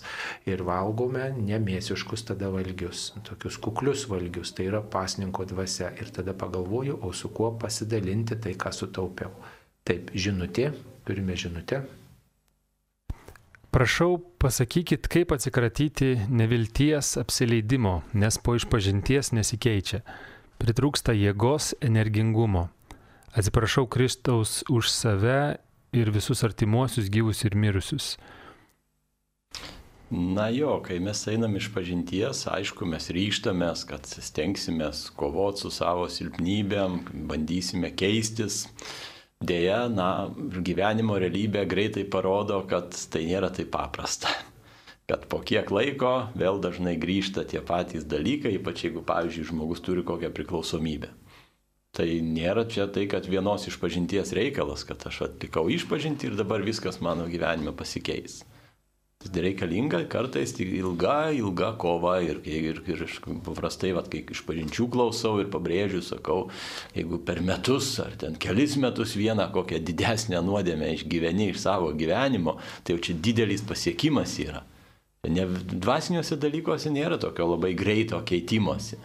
Tai čia vat irgi vienas dalykas turėti kantrybę kantrybė, kad čia reikia irgi pakovot, kaip sakant. O, ta viltis, na tai pirmiausiai jau mums viešpats suteikia tą viltį, kad jis jau atleidžia mums nuodėmės, visada leidžia iš naujo pradėti. Tai čia didelis dalykas. Būtų neviltis tada, kada mes žinotum, ha, suklydau ir daugiau nieko pakeisti negaliu. Suklydai, ateik iš pažinties. Kad ir sekančią dieną būna kartais, vad padarai nuodėmę, yra galimybė vėl atlikti išpažinti ir nueiti ir tada vėl, vėl viltį sužadina ir tuo pačiu duoda tam tikrą postumį. Nesitaikstyti su savo silpnybėm, su savo klaidom, kovoti. Išpažintis duoda malonę reikalingą mums tai kovai. Tai todėl va čia irgi ir, ir maldoja, aišku, irgi vilties turim semtis, kada mes melžiamės, bendraujam su viešpačiu, artėjam prie jo ir tada be abejo tai nevilčiai, tom tamsiom mintim lieka atitinkamai mažiau vietos. Tai čia va irgi galbūt priklauso nuo to, kaip mes va tuo savo tos savo nesėkmės priimam. Jeigu mes iš karto puolam taip jau, a, viskas prarasta, nieko čia dabar nebus. Nu tai aišku, tada ir gyvensi nevilty, bet jeigu va, supranti, kad viešpats yra kantrus ir gailestingas, kaip šventajame rašte parašyta. Ir tada, jeigu tą priimi ir, ir įsisamonini savy, tai tada va suvoki, kad, aha, kad ir suklydau, aš galiu pradėti iš naujo. Ne, vilti visuomet sklaido, kai mes pasistengėme džiaugtis gražiais, mažais dalykais, mažais dalykais. Štai žiūrėkit, ateina e, žiema, toksai laikas, kada galima ilsėtis, daugiau būti prie šiltos krosnės, kai galime galbūt skaityti daugiau. Ateina laikas, kai galim pagalvoti apie kitą, kuo kitą žmogų nudžiuginsiu. Štai ateina kažkokia šventė, ateina laikas mums pavalgyti, džiaugtis džiaukimės, kad turime maisto, džiaukimės, kad mūsų krašte skanus vanduo bėga iš kranų, galim atsigerti. Tai yra didelė dovana. Mažais dalykais džiaugtis mes tai pamirštam ir tai dažnai teikia tokio gyvenimo džiaugsmo, padėkos Dievui. Mums paskambino. Kazimiras iš Vilnius. Taip, Kazimirai, klauskite. Gerbėjas iki. Per amžius. Žinot, čia per pradžioj būdavo pastovas vienas klausimas, kiek Marija turi vaikų. Nu dabar kažkaip tai atrodo jau visi sužinoja, tačiau vėl pasiklaus, pasiklausykim pavyzdžiui rožinio transliaciją iš trakų ir suabejosim, kad Marija turėjo vieną. vieną. Reiškia, ten tavo sūnus Jėzus. Ir taip 53 kartus.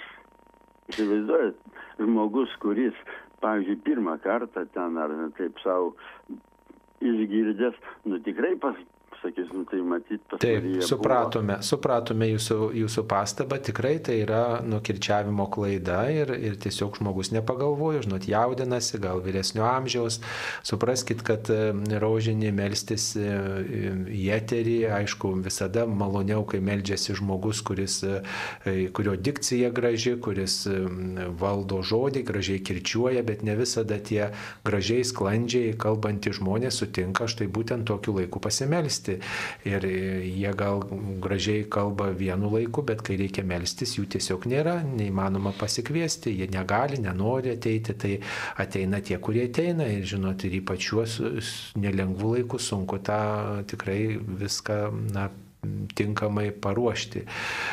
Tai prašom supratimo, o aišku, jeigu kažkas išgirs, kažką papiktins, nu žinoma, negerai, bet ką galime padaryti, tiesiog, nu, nu, nepasiduoti tam pasipiktinimui žmonės kviečiami tik tiek. Dar viena žinutė. Ar galima tikėti tik vienos Faustinos regėjimu? Ir ar reikia jos nurodymų melstis? Ona iš Utenos. Na, dėl tikėjimo, tai kaip moko bažnyčia, na, mes pirmiausiai turim tikėti tuo oficialiu prieiškimu, kuris yra šventajame rašte, arba dalis jo yra tradicijoje, kas ir katekizme išdėstyta, tai čia va tuo mes privalom tikėti. Tai čia yra, kaip sakant, prieiškimas, ką Jėzus yra daręs, Evangelijose, jo ten gyvenimo įvykiai prašyti, visą kitą, tuo mes turim tikėti. Tai yra, na, kaip, kaip sakant, tie vat, pamatiniai dalykai. Bažnyčia yra ir tam tikrų vadinamų privačių apreiškimų. Čia ne viena Faustina, ten buvo jų ir daugiau šiaip, ir yra jų daugiau tų apreiškimų. Ir, ir šiaip, vėlgi, yra tie privatus apreiškimai, kai kurie ištirti ir bažnyčios patvirtinti.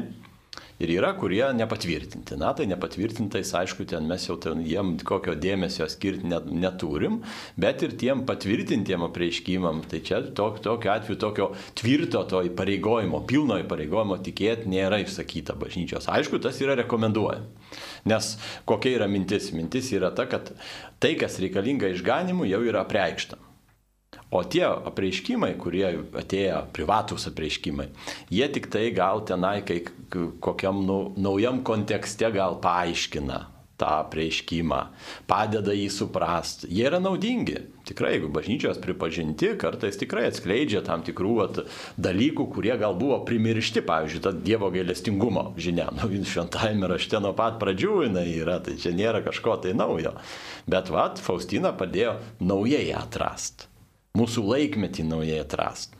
Ir tokiu atveju, tai, na, sakykime, tas vat, Faustinos mokymas, tas tie dienoraščiai yra naudingi.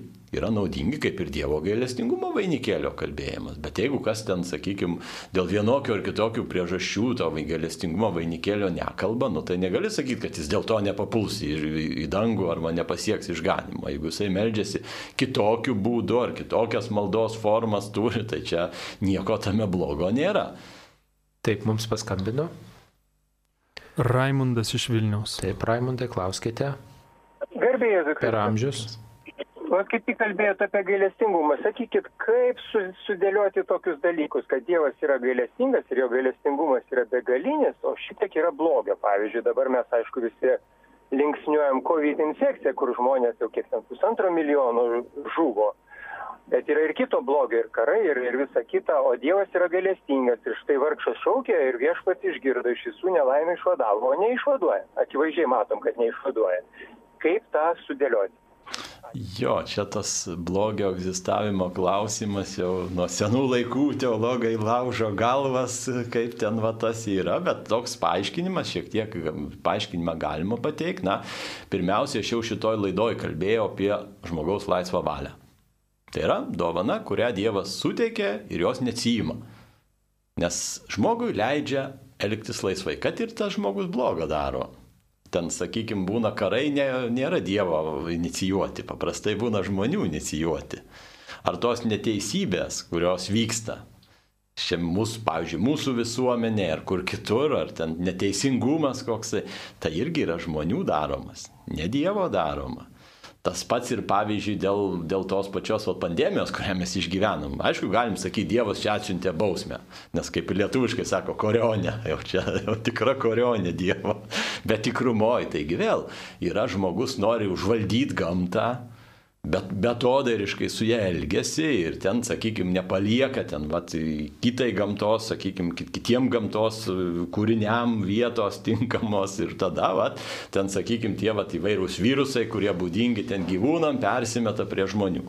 Nu tai irgi yra kažkiek ir, ir žmonių kaltės, jeigu ten, sakykime, vėlgi ten nesilaiko hygienos, ten valgo, kas tinkama, netinkama ir taip toliau. Tai čia dėl visko kaltinti Dievą, tai čia būtų, manau, neteisinga būtų neteisinga ir Dievas tik, tikrai, sakykime, galbūt va, tą Dievą gali laikyti tokiu kaip, nu, kabutėse sakant, kaltininku, ta prasme, kad jis leidžia žmogui būti laisvam. Jeigu jisai leidžia žmogui būti laisvam, na tai žmogus tada be abejo yra, kurie ir gerą renkasi, tą laisvę gėriui naudoja, bet visada atsiranda ir tokių, kurie naudoja blogį. Ir tada dėl to blogio darimo, na, Dievo gal kaltinti nereikėtų. Ir, ir, ir čia, vad, sakykime, tas, vad, pirmiausiai mes, kada, vad, būna piktiname, sakom, o tas blogai, anas blogai. Na, tai mes vėlgi, jeigu norim kažką tai, kad būtų geriau mūsų gyvenime, pasaulyje, tai turim pradėti nuo savęs žiūrėt, ką aš darau gero, ką aš renkuosi gero ar blogo, jeigu darysiu gero, tai gal ir kitus užkrėsiu ir tada to blogio gal liks mažiau. Na čia Dievo turbūt yra išmintis net ir pasaulio blogį taip leisti, kad jį panaudotų didesniam gėriui. Jeigu, pavyzdžiui, žmonės atsigręš per šitą, per šitą visą pandemiją į Dievą, ar tai nebus jo gailestingumo irgi na, įrankis leistas, va, štai, ar nepalenks šitą, šitą visą situaciją Dievas tam, kad galėtume labiau jį atrasti iš naujo, kad sustotume darę blogą arba bent kai kas sustotų. Tai, tai irgi gali būti e, Dievo gailestingumo tam tikras ženklas. Net kai kurie teologai sako, kad net ir pragaras yra Dievo gailestingumo ženklas, kad jeigu žmogus e, taip yra užkėtėjęs, kad Dievas nu, leidžia jam taip elgtis ir nu, vat, pasirinkti net būti Dievo na, atskirti, atskirtam nuo Dievo, atsiskyrusiam nuo Dievo. Tai yra Dievo meilės ir gailestingumo ženklas žmogui. Taip Dievas gerbė žmogų. Bet supraskite, kad Dievas ir yra Dievas, jo išmintis yra didesnė ir mes savo išmintim, net išmintingiausių teologų išvalgomis negalėsime išsemti jo gailestingumo ir jo meilės, kaip jisai sugeba panaudoti bet, kokią, bet kokį blogį. Atsakymas gali būti kryžius. Štai žiūrėkit, Jėzus yra gailestingas tėvas yra gailestingas ir savo sūnų paukoja už mus. Tai mirtis yra žiaurus dalykas, bet tą mirtį jis panaudojo tam, kad mus išgelbėtų. Tai štai galbūt ir šita pandemija yra ženklas mums išsigelbėti, ženklas mums susimastyti. Jau daug kas žmonių perkainuoja savo santykius, savo situaciją, štai šeimose visokie iššūkiai vyksta ir, ir santykių, kai kur toks atnaujinimas, tai, tai na, kaip mes panaudosime šitai, o Dievas tai yra tiek išmintingas, kad sugebės tai palengti į gerą. Skambina klausytojas. Genė už iš Utenos rajonų. Taip, genė, klauskite, jūs eteryje. Garbė Jėzui Kristui. Per amžius. Žiūrėkit, noriu paklausti, kalbant rožančių užmirusį į bažnyčioje, tarkim, ar prie būtent šermenyse, arba Dievo gailestingumo vainikėlį. Yra atsakymai, melski už mus. Ir ar sakoma melski už mirusį, ar melski už mus. Aš manau, keisti nereikia gal tos litanijos. Ne, keisti nereikia tos tų maldų, galima tiesiog pabaigoje pridėti amžiną atilsi mm, maldą, amžiną atilsi maldą už mm, mūsų mirusius brolius ir seseris. Va, nu, kaip privačiai melžiamės, tai mes esam nu, kaip, nu, laisvi, kaip norime, taip galime elgtis, bet kai melžiamės kartu viešai, tai reikėtų laikytis nustatytų, aprobuotų maldų. Mums paskambino, ne, žinutė mums. Esu padariusi visas sunkes nuodėmes - abortai, apgaulės, vagystė, neištikimybė. Išpažinties metu išpažinau visas. Gavau išrišimą, tačiau vis graužia sąžinė. Meldžiuosi ryte ir vakare, sekmadieniais dalyvauju mišiuose. Tikiuosi, kad Dievas man atleido, bet nėra rami sąžinė. Kaip gyventi su tuo? Mhm. Na, tas sąžinė, jinai tam tikrą laiką dar vis priekaištauja. Nėra taip, kad, sakykime, labai lengvai mes tą, mes esame įpratę, kad atleidimą turim nusipelnyti. Na, bent jau žmonių tarpe taip yra, kad, kad kažkas tai atleistų taip jau be jokių iš ankstinių sąlygų, tai retai pasitaiko. Tai gal mums dėl to būna sunku ir patikėti, kad Dievas atleidžia, kaip sakant, be, be jokių sąlygų, kaip sakant. Jisai, jeigu mes gailimės, jeigu jis blogio įsiž, įsižadam, kaip sakant, pasižadam, kad jo daugiau nedarysim, vėl stengsimės gyventi pagal jo valią, na tai jis be jokių kažkokių tai reik, specialių reikalavimų mums tiesiog atleidžia tas nuodėmes. Tai čia vad gal irgi yra toks tikėjimo dalykas kaip mes patikim, ar patikim Dievo gailestingumo, ar Dievas tikrai, vat, mums, kaip pasako, kad nuodėmės atleistos, jos iš tiesų yra atleistos. Bet šiaip, jeigu, vat, sakykime, Dabar va, galbūt jums daugiau reikėtų koncentruotis ne tiek į tą vat, mąstymą atleido, net leido, bet galvoti apie tai, ką daryti, kad to blogio, kuris gal dar liko gyvenime, arba dar yra galimybė, kad galite ir atkristi tam tikrus dalykus, kad jo, kad tai neįvyktų, kad, kaip sakant, vengt gal ten progų, kurios veda į nuodėmės, arba ten tvirtint dvasinį gyvenimą ir ten maldos gyvenimą. Ir jeigu jūs artėsit prie Dievo, auksit tikėjime, tai tada gal ten, sakykime, tų minčių apie Dievas atleido, net leido, jų kuo toliau liks mažiau. Tai čia atsakymas, ko gero, būtų labai paprastas. Tenkitės tikrai vat, praktikuoti krikščionišką gyvenimą nuo širdžiai, giliai ir tada tikrai vat, tie dalykai, man atrodo, palaipsniui išnyks. Taip, turime žinutę dar vieną. Žinutę turime. Ar yra teisinga, jei ką sutaupau pasninkaudama, paukoju Marijos radijui, o netiduodu vargšams?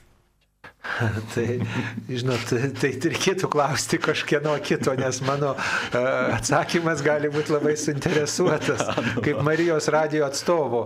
Na tai jeigu taip jau, taip sakant, atsiribojant nuo atstovavimo Marijos radio, tai reikėtų sakyti, kad ne tik tai vargšam galima, bet ir panaudoti kažkokiam kilniam tikslui, paremti kažkokį projektą, o šiuo atveju jūs prisidedat prie Marijos radio kaip na, kilnaus projektų, nes Marijos radijas skelbia tikėjimo žinę ir vargšams, ir turtingiems, ir tai yra evangelizacinis projektas, tai jūs prisidedat prie nu, tikėjimo skelbimo darbų, tai tikrai manau, kad vertinga jūsų auka ir Dievas ją įskaitys kaip rimtą pagalbą. Ja, nu, kaip nesuinteresuotas asmuo, tai va iš savo pusės galiu pasakyti ir patvirtinti tai, ką, ką va, sako kunigas savo. Suinteresuotas asmuo.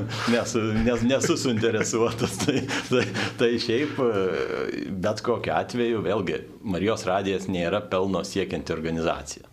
Tai yra, na, tikrai šaukų įsilaikanti organizacija, daranti gerus darbus, sakykime, skelbti Evangeliją, ten ir seniems žmonėms ypatingai, kurie negali išeiti iš namų, at, dažnai va tenka girdėti, sako, o Marijos radijas man sako vienintelė pagoda. Tai čia tikrai ir tokiu atveju padėt, pe, pervesdami pinigus Marijos radijui, šiuo atveju tą auką atiduodami Marijos radijus kartu vat, padedat ir tiem žmonėms padedat, kad jiem bet galbūt savo laiko ateitų pagoda, radio bangom bent jau gal ten jie nesijaustų taip vieniši ir panašiai, čia tik tai mažas pavyzdys.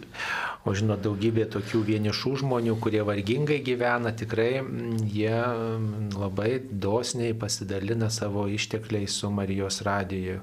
Tai tikrai labai ačiū visiems, kurie remiate Marijos radiją, kurie net ir sunkiu laiku surandate būdą, kaip perduoti auką, kad Marijos radijas nenutiltų ir kad Marijos radijas galėtų sėkmingai gyvuoti. Ačiū visiems aukotojams ir jūs tikrai palydime kasdienę maldą ir prisimenam ir švenčiausio sakramento adoracijų, ir šventų mišių aukoje, o ypatingai 13 e, dieną, kai melžiamės e, Šiluvoje prie malonėmis garsėjančio paveikslo. Taip, turime dar žinučių. Ona iš Utenos klausia, ką reiškia ekskomunika. Mhm. Na va, ekskomunika. Nu, tai, Atskirimas nuo bažnyčios. Taip, taip, čia trumpai atsakant, taip iš tiesų, čia nu, yra dažniausiai teks komunikai vyksta ne tai, kad ten va kažkas tai tik tai uždeda bausmę, bet iš tiesų dažniausiai jau būna teks komunikai vyksta, kai jau žmogus pats negyvena krikščioniškai, įsižada krikščionių tikėjimo, jis pats save kartais atskiria nuo bažnyčios, pats save ekskomunikuoja, ne vien tik tai ta prasme, kad va, kažkas ten uždėjo ekskomuniką. Bet jeigu žmogus pats jau jam tikėjimas nėra svarbus ir jisai netgi kovot prieš jį pradeda, nu tai tada jau jisai pats save iš bažnyčios narių tarpo stengiasi jau, kaip sakant, eliminuoja. Nors ta vat, krikšto, krikšto vat, sakykime, ta malonė, kurią va, jam buvo suteikta, ten sutvirtinimo, jeigu prieėmės, tai vat, lieka tie vadinami, tai spausta žymė, kaip krikščionio žymė. Bet jeigu jisai vat, savo gyvenimu rodo kitaip, na, tai jis tada pats save ekskomunikuoja. Na tai turbūt e, tai yra tam tikra, reiškia, tam tikras e, neįgymas tikėjimo ir, ir e, Čia teisinis klausimas. Jo, na, nu, ta prasme būna, kad ta oficiali ekskomunika tai yra, kai jau bažnyčia tiesiog oficialiai patvirtina, kad tas žmogus jau nėra jos narys bet jis atskirtas nuo bendruomenės, tikinčių bendruomenės. Ir oficialus jau tada toksai kaip patvirtinimas, jeigu yra uždėta kažkam. Tai. Bet šiaip dažniausiai, kaip ir sakiau, pradžia to būna tame, kad jau tas žmogus jau pats nesitapatina su krikščionių tikėjimu. Ir tas būna tik tai, kaip, kaip sakant, paskutinis taškas. Na tai turbūt pasiekmes, kai, kai žmogus negali priimti sakramentų jo. jokių daugiau ir tada jis negali dalyvauti bažnyčios mm, valdymo. Jo, bet šiaip gali ir nuimti ekskomuniką. Jeigu būna žmogus ekskomunikuotas, bet paskui jis atsiverčia ir pakeičia savo nuostatą, tai ekskomunika visada yra galimybė ir nuimti. Arba būvį, ar ne? Taip, taip, taip, taip. Tai čia irgi būvį pakeisti jo labiau tada. Jeigu jau tą pakeičia, na, tai ir ekskomuniką tada dažnai nuima. Taip, dar žinučių turime. Lapkričio mėnuo baigėsi, tai buvo laikas, kai buvo galima laimėti atlaidus užmirusius, išpildžius nustatytas sąlygas. Ar kitų metų laiku išpildžius tas pačias sąlygas taip pat galima laimėti atlaidus užmirusius? Ar tai tokie pat atlaidai kaip lapkričio mėnesį, ar kuo nors skiriasi? Nu, atlaidus tai normaliai galim laimėti savo arba kitam, kuris jau yra miręs. Gyvam laimėti negali, nes jis pats turi galimybę tą padaryti.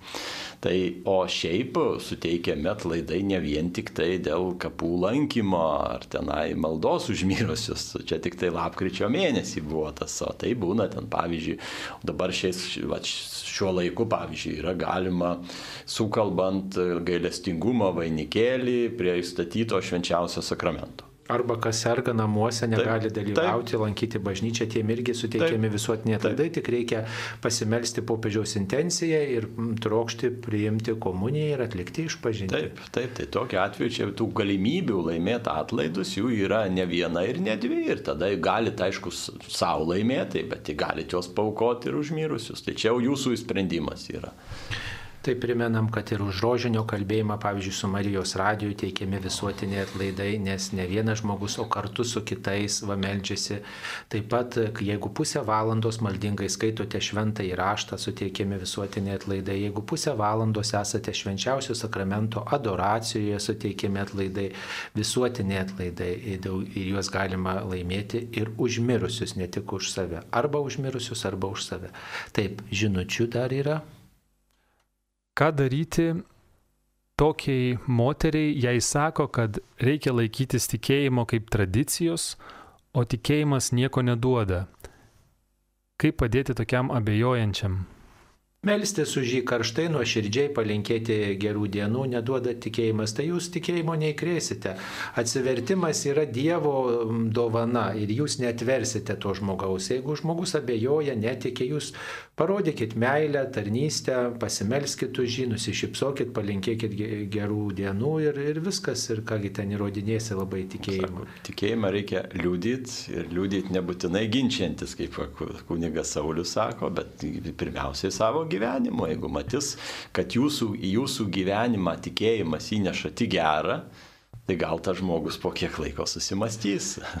Taip, gal reikia ilgų metų, kad žmogus atrastų Dievą. Štai pasakojama, kad šventoji Monika daugiau kaip 20 metų meldėsi už savo sūnų Augustiną, kad jis atsiverstų. Yra ir dar ilgesnių pavyzdžių, kai žmonės, ilgesnių tokių laikotarpių, kai žmonės meldėsi ir, ir už savo artimuosius, kad jie atsiverstų ir vis dėlto pagaliau sulaukė, arba kai kurie nesulaukė, bet amžinybė iškeliavo, bet vėliau tie žmonės atrado Dievą. Tai taip, kad čia žinot, Dievas e, turi laiko, mes gal neturim, bet linkėti gerą ir pavesti tą žmogų Dievui.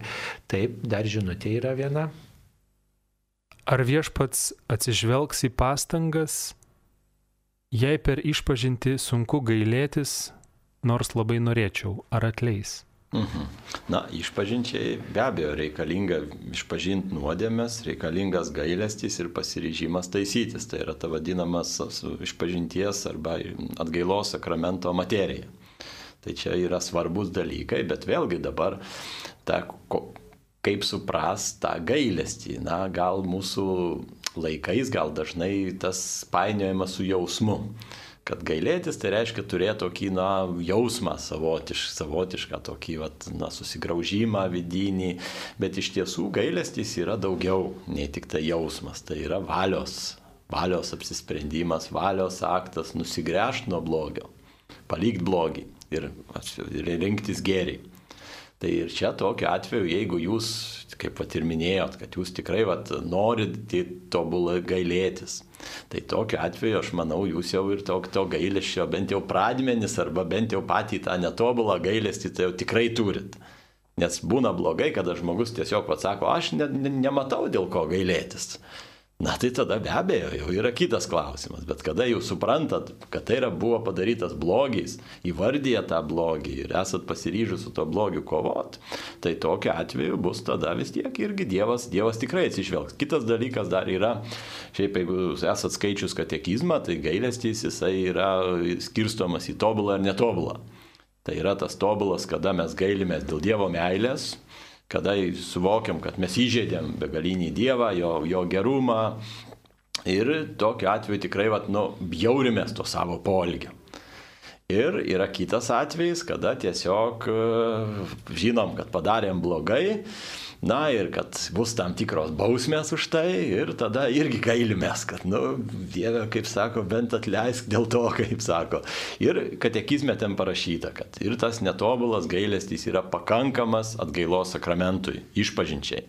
Tai užtenka, kad ir iš baimės gailitės, arba ten gal tokių jausmų kažkokių tai ten labai neišgyvena, tai čia tikrai, manau, išpažinčiai to pakaks. Tai jūs tikrai dėl šito nusiraminkit. Blogai būtų, jeigu jūs jau blogio nepripažintumėt ir jį teisintumėt, arba sakytumėt, ai čia nieko blogo nesitiko. Tada jau būtų kitas klausimas. Taip.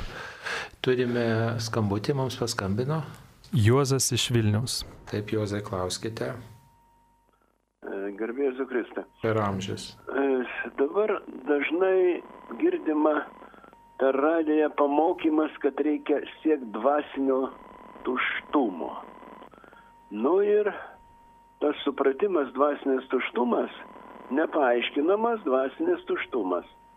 Senai nuomonė žmonėse ir, ir, ir kaip sakant, klausytojų nuomonė, dvasinės tuštumas tai yra žmogaus neišprusimas, bukumas, neaptašytas žmogus, žioplas ir taip toliau.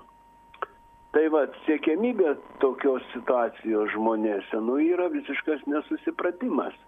O kaip tą dvasinį tuštumą dar kitaip geriau suprast, tai dėja nėra aiškinama. Ir kam tas dvasinis tuštumas aplamai reikalingas.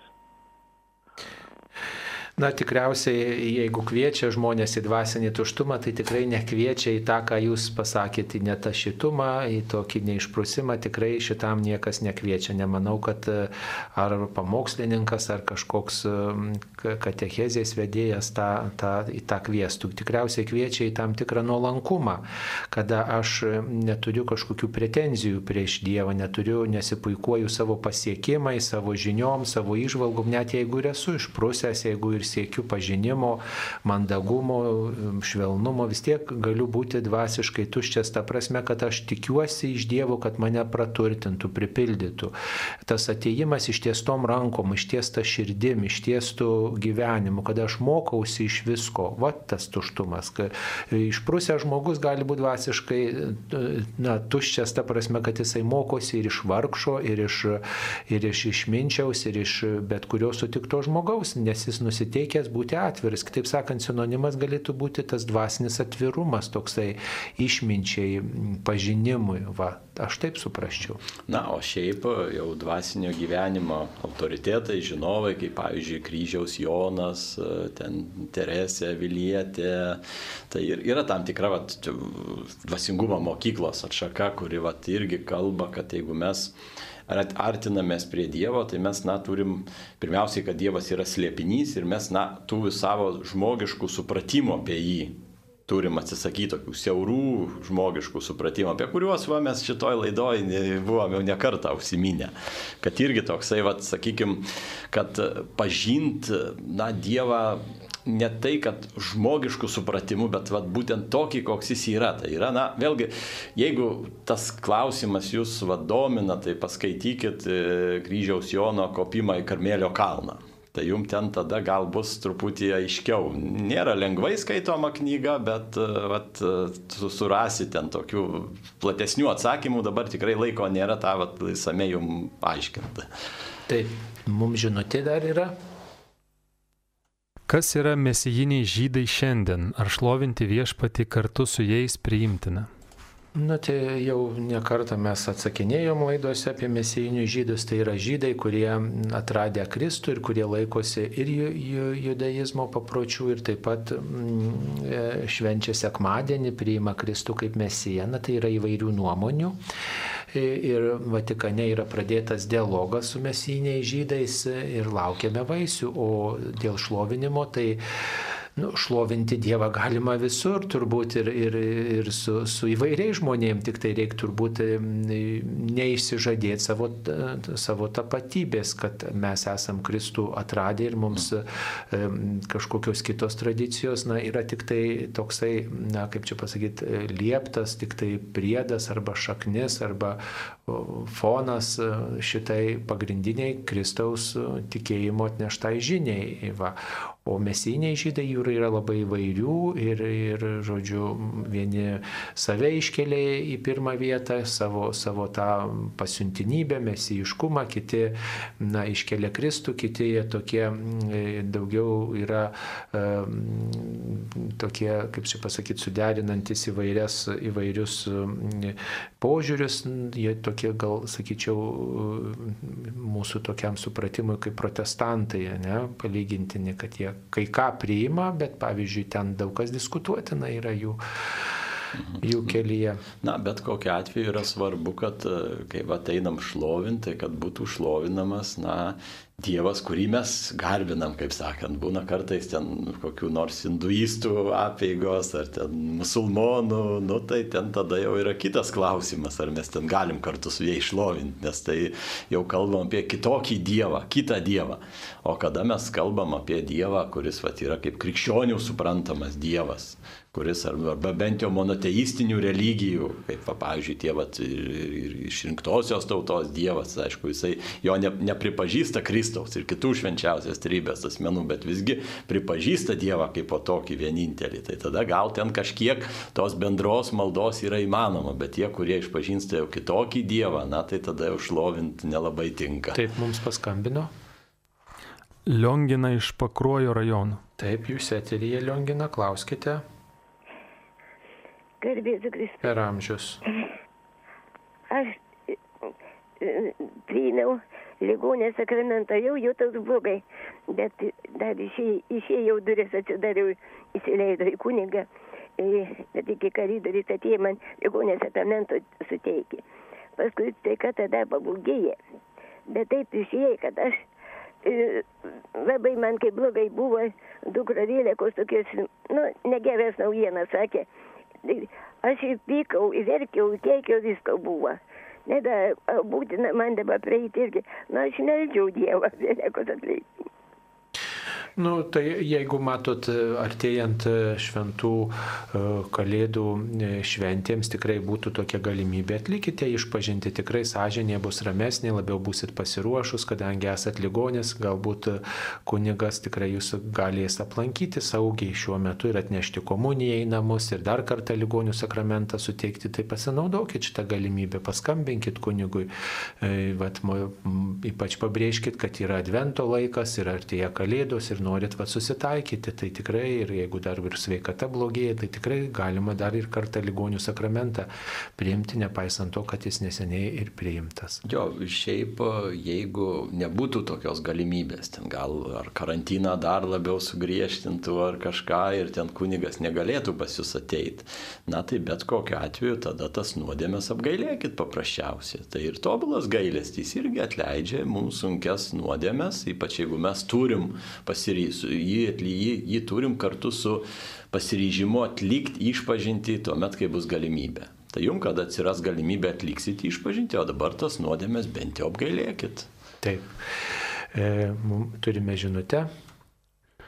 Kur galima rasti Marijos valandų maldas privačiai maldai. Dėkoju. Kiekvienoj maldaknygiai, kiekvienoj maldaknygiai Marijos valandos yra ir senose maldaknygėse, ir naujai išleistose. Kitas klausimas. Kaip pajėgti atleisti labai įskaudinusiems mane žmonėms? Ar galima nutraukti bendravimą su jais? Mhm, Na, čia toks irgi praktiškas klausimas, kaip at reikia tokiu atveju elgtis. Na, pirmiausia, gal aš norėčiau atkreipdėmėsi, kad atleidimas tai nereiškia blogio pateisinimo. Nes kartais vad sako, o kaip aš jam galiu atleisti, dabar tokį jis man baisų dalyką padarė. Atleidimas tai reiškia, na, linkėjimas kitam gero, kad jisai, tas, kuris padarė blogą, kad jisai pasitaisytų kad jisai, na, kaip sakant, pe permastytų savo elgesį, kad jisai suprastų, kad elgesi netinkamai, kad e, ir gal net už jį pasimelst kartais. Būna irgi taip, kad sako, sunku atleisti, aš paprastai ir patariu, sakau, pasimelskit už tą žmogų ir melskitės jam atsivertimą malonės. Ir jeigu jisai atsivers, pasikeis, na, tai viskas bus e, tik tai geriau tiek jum, tiek jam pačiam. Tai va, tai čia tokiu atveju, o tas nenoras bendrauti, na, yra natūralu, kad jeigu su kažkuo tai susipykia, na, nesinori to žmogaus susitikti, su juo kalbėtis ir taip toliau. Ir, bet kaip krikščionių tikėjimas moko, turim atleisti. Tai reiškia, na, stengtis su visgi su, su tuo žmogum, na, ryšio nenutraukti. Būna, aišku, atvejai, kada ten būna ten kažkas padaryto labai baisaus. Baisaus, ko jau atleisti būtų neįmanoma. Na tai tokiu atveju tada ir ypač jeigu tas žmogus dar yra pavojingas kažkuo tai, kad jisai va, pavyzdžiui, toks žmogus, jisai ten gali, ten ar išprievartauti, ar jisai gali ten kokį kitą nusikaltimą, sakykime, jūsų atžvilgiu atlikti. Na tai tada be abejo yra jau ir sveikas protas, sako, tokio žmogaus reikia vengti. Vengti ir stengtis, kad, kaip sako, jau su juo susitikti kiek galima mažiau. Bet šiaip normaliu atveju, tai tas atleidimas, na vėlgi mes jeigu parodom kitam žmogui gero, jisai irgi tas, kuris blogą padarė, tikisi, kad mes dabar keršysim jam. Bet kai nesulaukia keršto, būna, kad susimasto. O sako, man net keršijo. Įdomu, kodėl. A, sako, jisai bažnyčia vaikšto, jisai va, turi galbūt, va, kaip sako, tokį kitą motyvą ir kitaip žvelgia į tuos va, dalykus, ką jisai išgyvena. Tai čia va irgi toks atleidimas, gero darimas, kaip Jėzus sako, darykite, jūs melskite su savo persekiotojais arba ten blogą darančius. Tai va Jėzaus yra paraginimas. Tai gal tikrai tam žmogui galima tokiu būdu ir padėti, jeigu mes jam paro į blogį atlyginsim gėrių. Taip, dar turime žinučių. Dabartinė išpažinties forma įvesta 17 amžiuje. Kaip buvo atliekama viešoji išpažintis anksčiau? Na čia labai jau platus klausimas ir matau, čia jau tik tai porą minučių lygia, tai bet kokiu atveju tik tai galiu pasakyti, kad dabartinė išpažinties forma, jinai atsirado ne 17 amžiui, šiek tiek anksčiau. Na ta vieša ir vienkartinė išpažintis, jinai maždaug taip jau buvo praktikuojama kažkur tai iki 6, 7, 8 amžiaus, nu čia priklauso nuo vietovių, kokiose vietovėse. Vienur jinai buvo pakeista ta slapta ir daugkartinė šiek tiek anksčiau, kitur šiek tiek vėliau jinai nusistovėjo ir ilgą laiką abi formos, netgi jos paraleliai egzistavo viena šalia kitos, tai tai, tai pasakyti tokį labai tikslų, pas, tik, tikslę datą čia būtų sudėtinga, bet šiaip orientacija civilizacijai galima sakyti apie 7-8 amžių. Ir, na, o ta vat vieša išpažintis, na, tai jinai buvo tik, tik vieną kartą gyvenime galima buvo ją atlikti. Vieną kartą gyvenime ir paprastai ją atlikdavo dėl sunkių nuodėmių, labai sunkių nuodėmių, kai buvo tas vadinamas didžių nuodėmių trijo, tai reiškia tikėjimo atsižadėjimas, apostazija, po to svetimavimas ir žmogžudystė. Tai vad buvo trys dalykai, dėl, dėl kurių atlikdavo tada ir gana ilgas atgailas. Tai čia, na, tikrai buvo toks sudėtingas kelias. Ir tas kelias funkcionavo, na, kol krikščionybė, na, buvo persikiojimų laiku ir buvo tokios elitinės bendruomenės. Vėliaugi, kada jau labiau išplyto, tas sunkiai tapo įgyvendinama ir tada va, bažnyčioje pamažu nusistovėjo ir tiksliau iš tą pačią formą tai atnešė vienuolė iš Britanijos salino atnešė tą naują formą ir jinai palaipsniui įsitvirtino. Tai čia tokiu atveju, na, sakyčiau, gal va ta naujasnė forma, kurią mes praktikuojam, yra jinai, na, galbūt labiau atitinkanti, na, žmogų tokį, koks jis yra. Jūs patys žinote, jeigu atsitinka taip, kad mes atliekam išpažinti, va, ta prasme, padarom nuodėmę, atliekam išpažinti ir po to, po kiek laiko vėl atkrentam į nuodėmę. Nėra taip, kad vat, vieną kartą atlikai išpažinti ir dabar jau daugiau to daryti nereikia. Tai čia vat, irgi buvo ta, atlikta tam tikra korektyva tom pačiam, pačioj formo ir jinai buvo reikalinga. Ir, ir, ir tokiu atveju, tai jeigu būtų sugražinta ta vieša ir vienkartinė atgaila, tai nemanau, kad mes labai dėl to apsidžiaugtume. Taip, ir paskutinės klausimas šitoje laidoje. Kaip išvengti lengvų nuodėmių? Mhm. Nu, čia jau, kaip sako, milijono vertas klausimas. tai, taip, taip lengva tokį receptą pasakyti. Svarbiausia sunkių išvengti. Jau jeigu sunkių vengsite, jau bus gerai. Jau bus gerai, tai tikrai. Nes kad vat, jau išvengti ir lengvų nuodėmių, tai čia nežinau. Vargu ar įmanoma. Taip, taip, jau čia svarbu stengtis. Svarbu yra stengtis ir stengtis nepasilikti nuodėmė. Ar lengva, ar sunki, bet stengtis su ją kovoti. Jeigu vyksta kova, tai bent pamažu tų nuodėmių mažėja. Nėra taip, kad, vat, kaip sako, stengiesi ir tik tai blogėjai. Paprastai žmogus po truputį keičiasi, ne iš karto, tai, vat, tai reikia turėti kantrybės.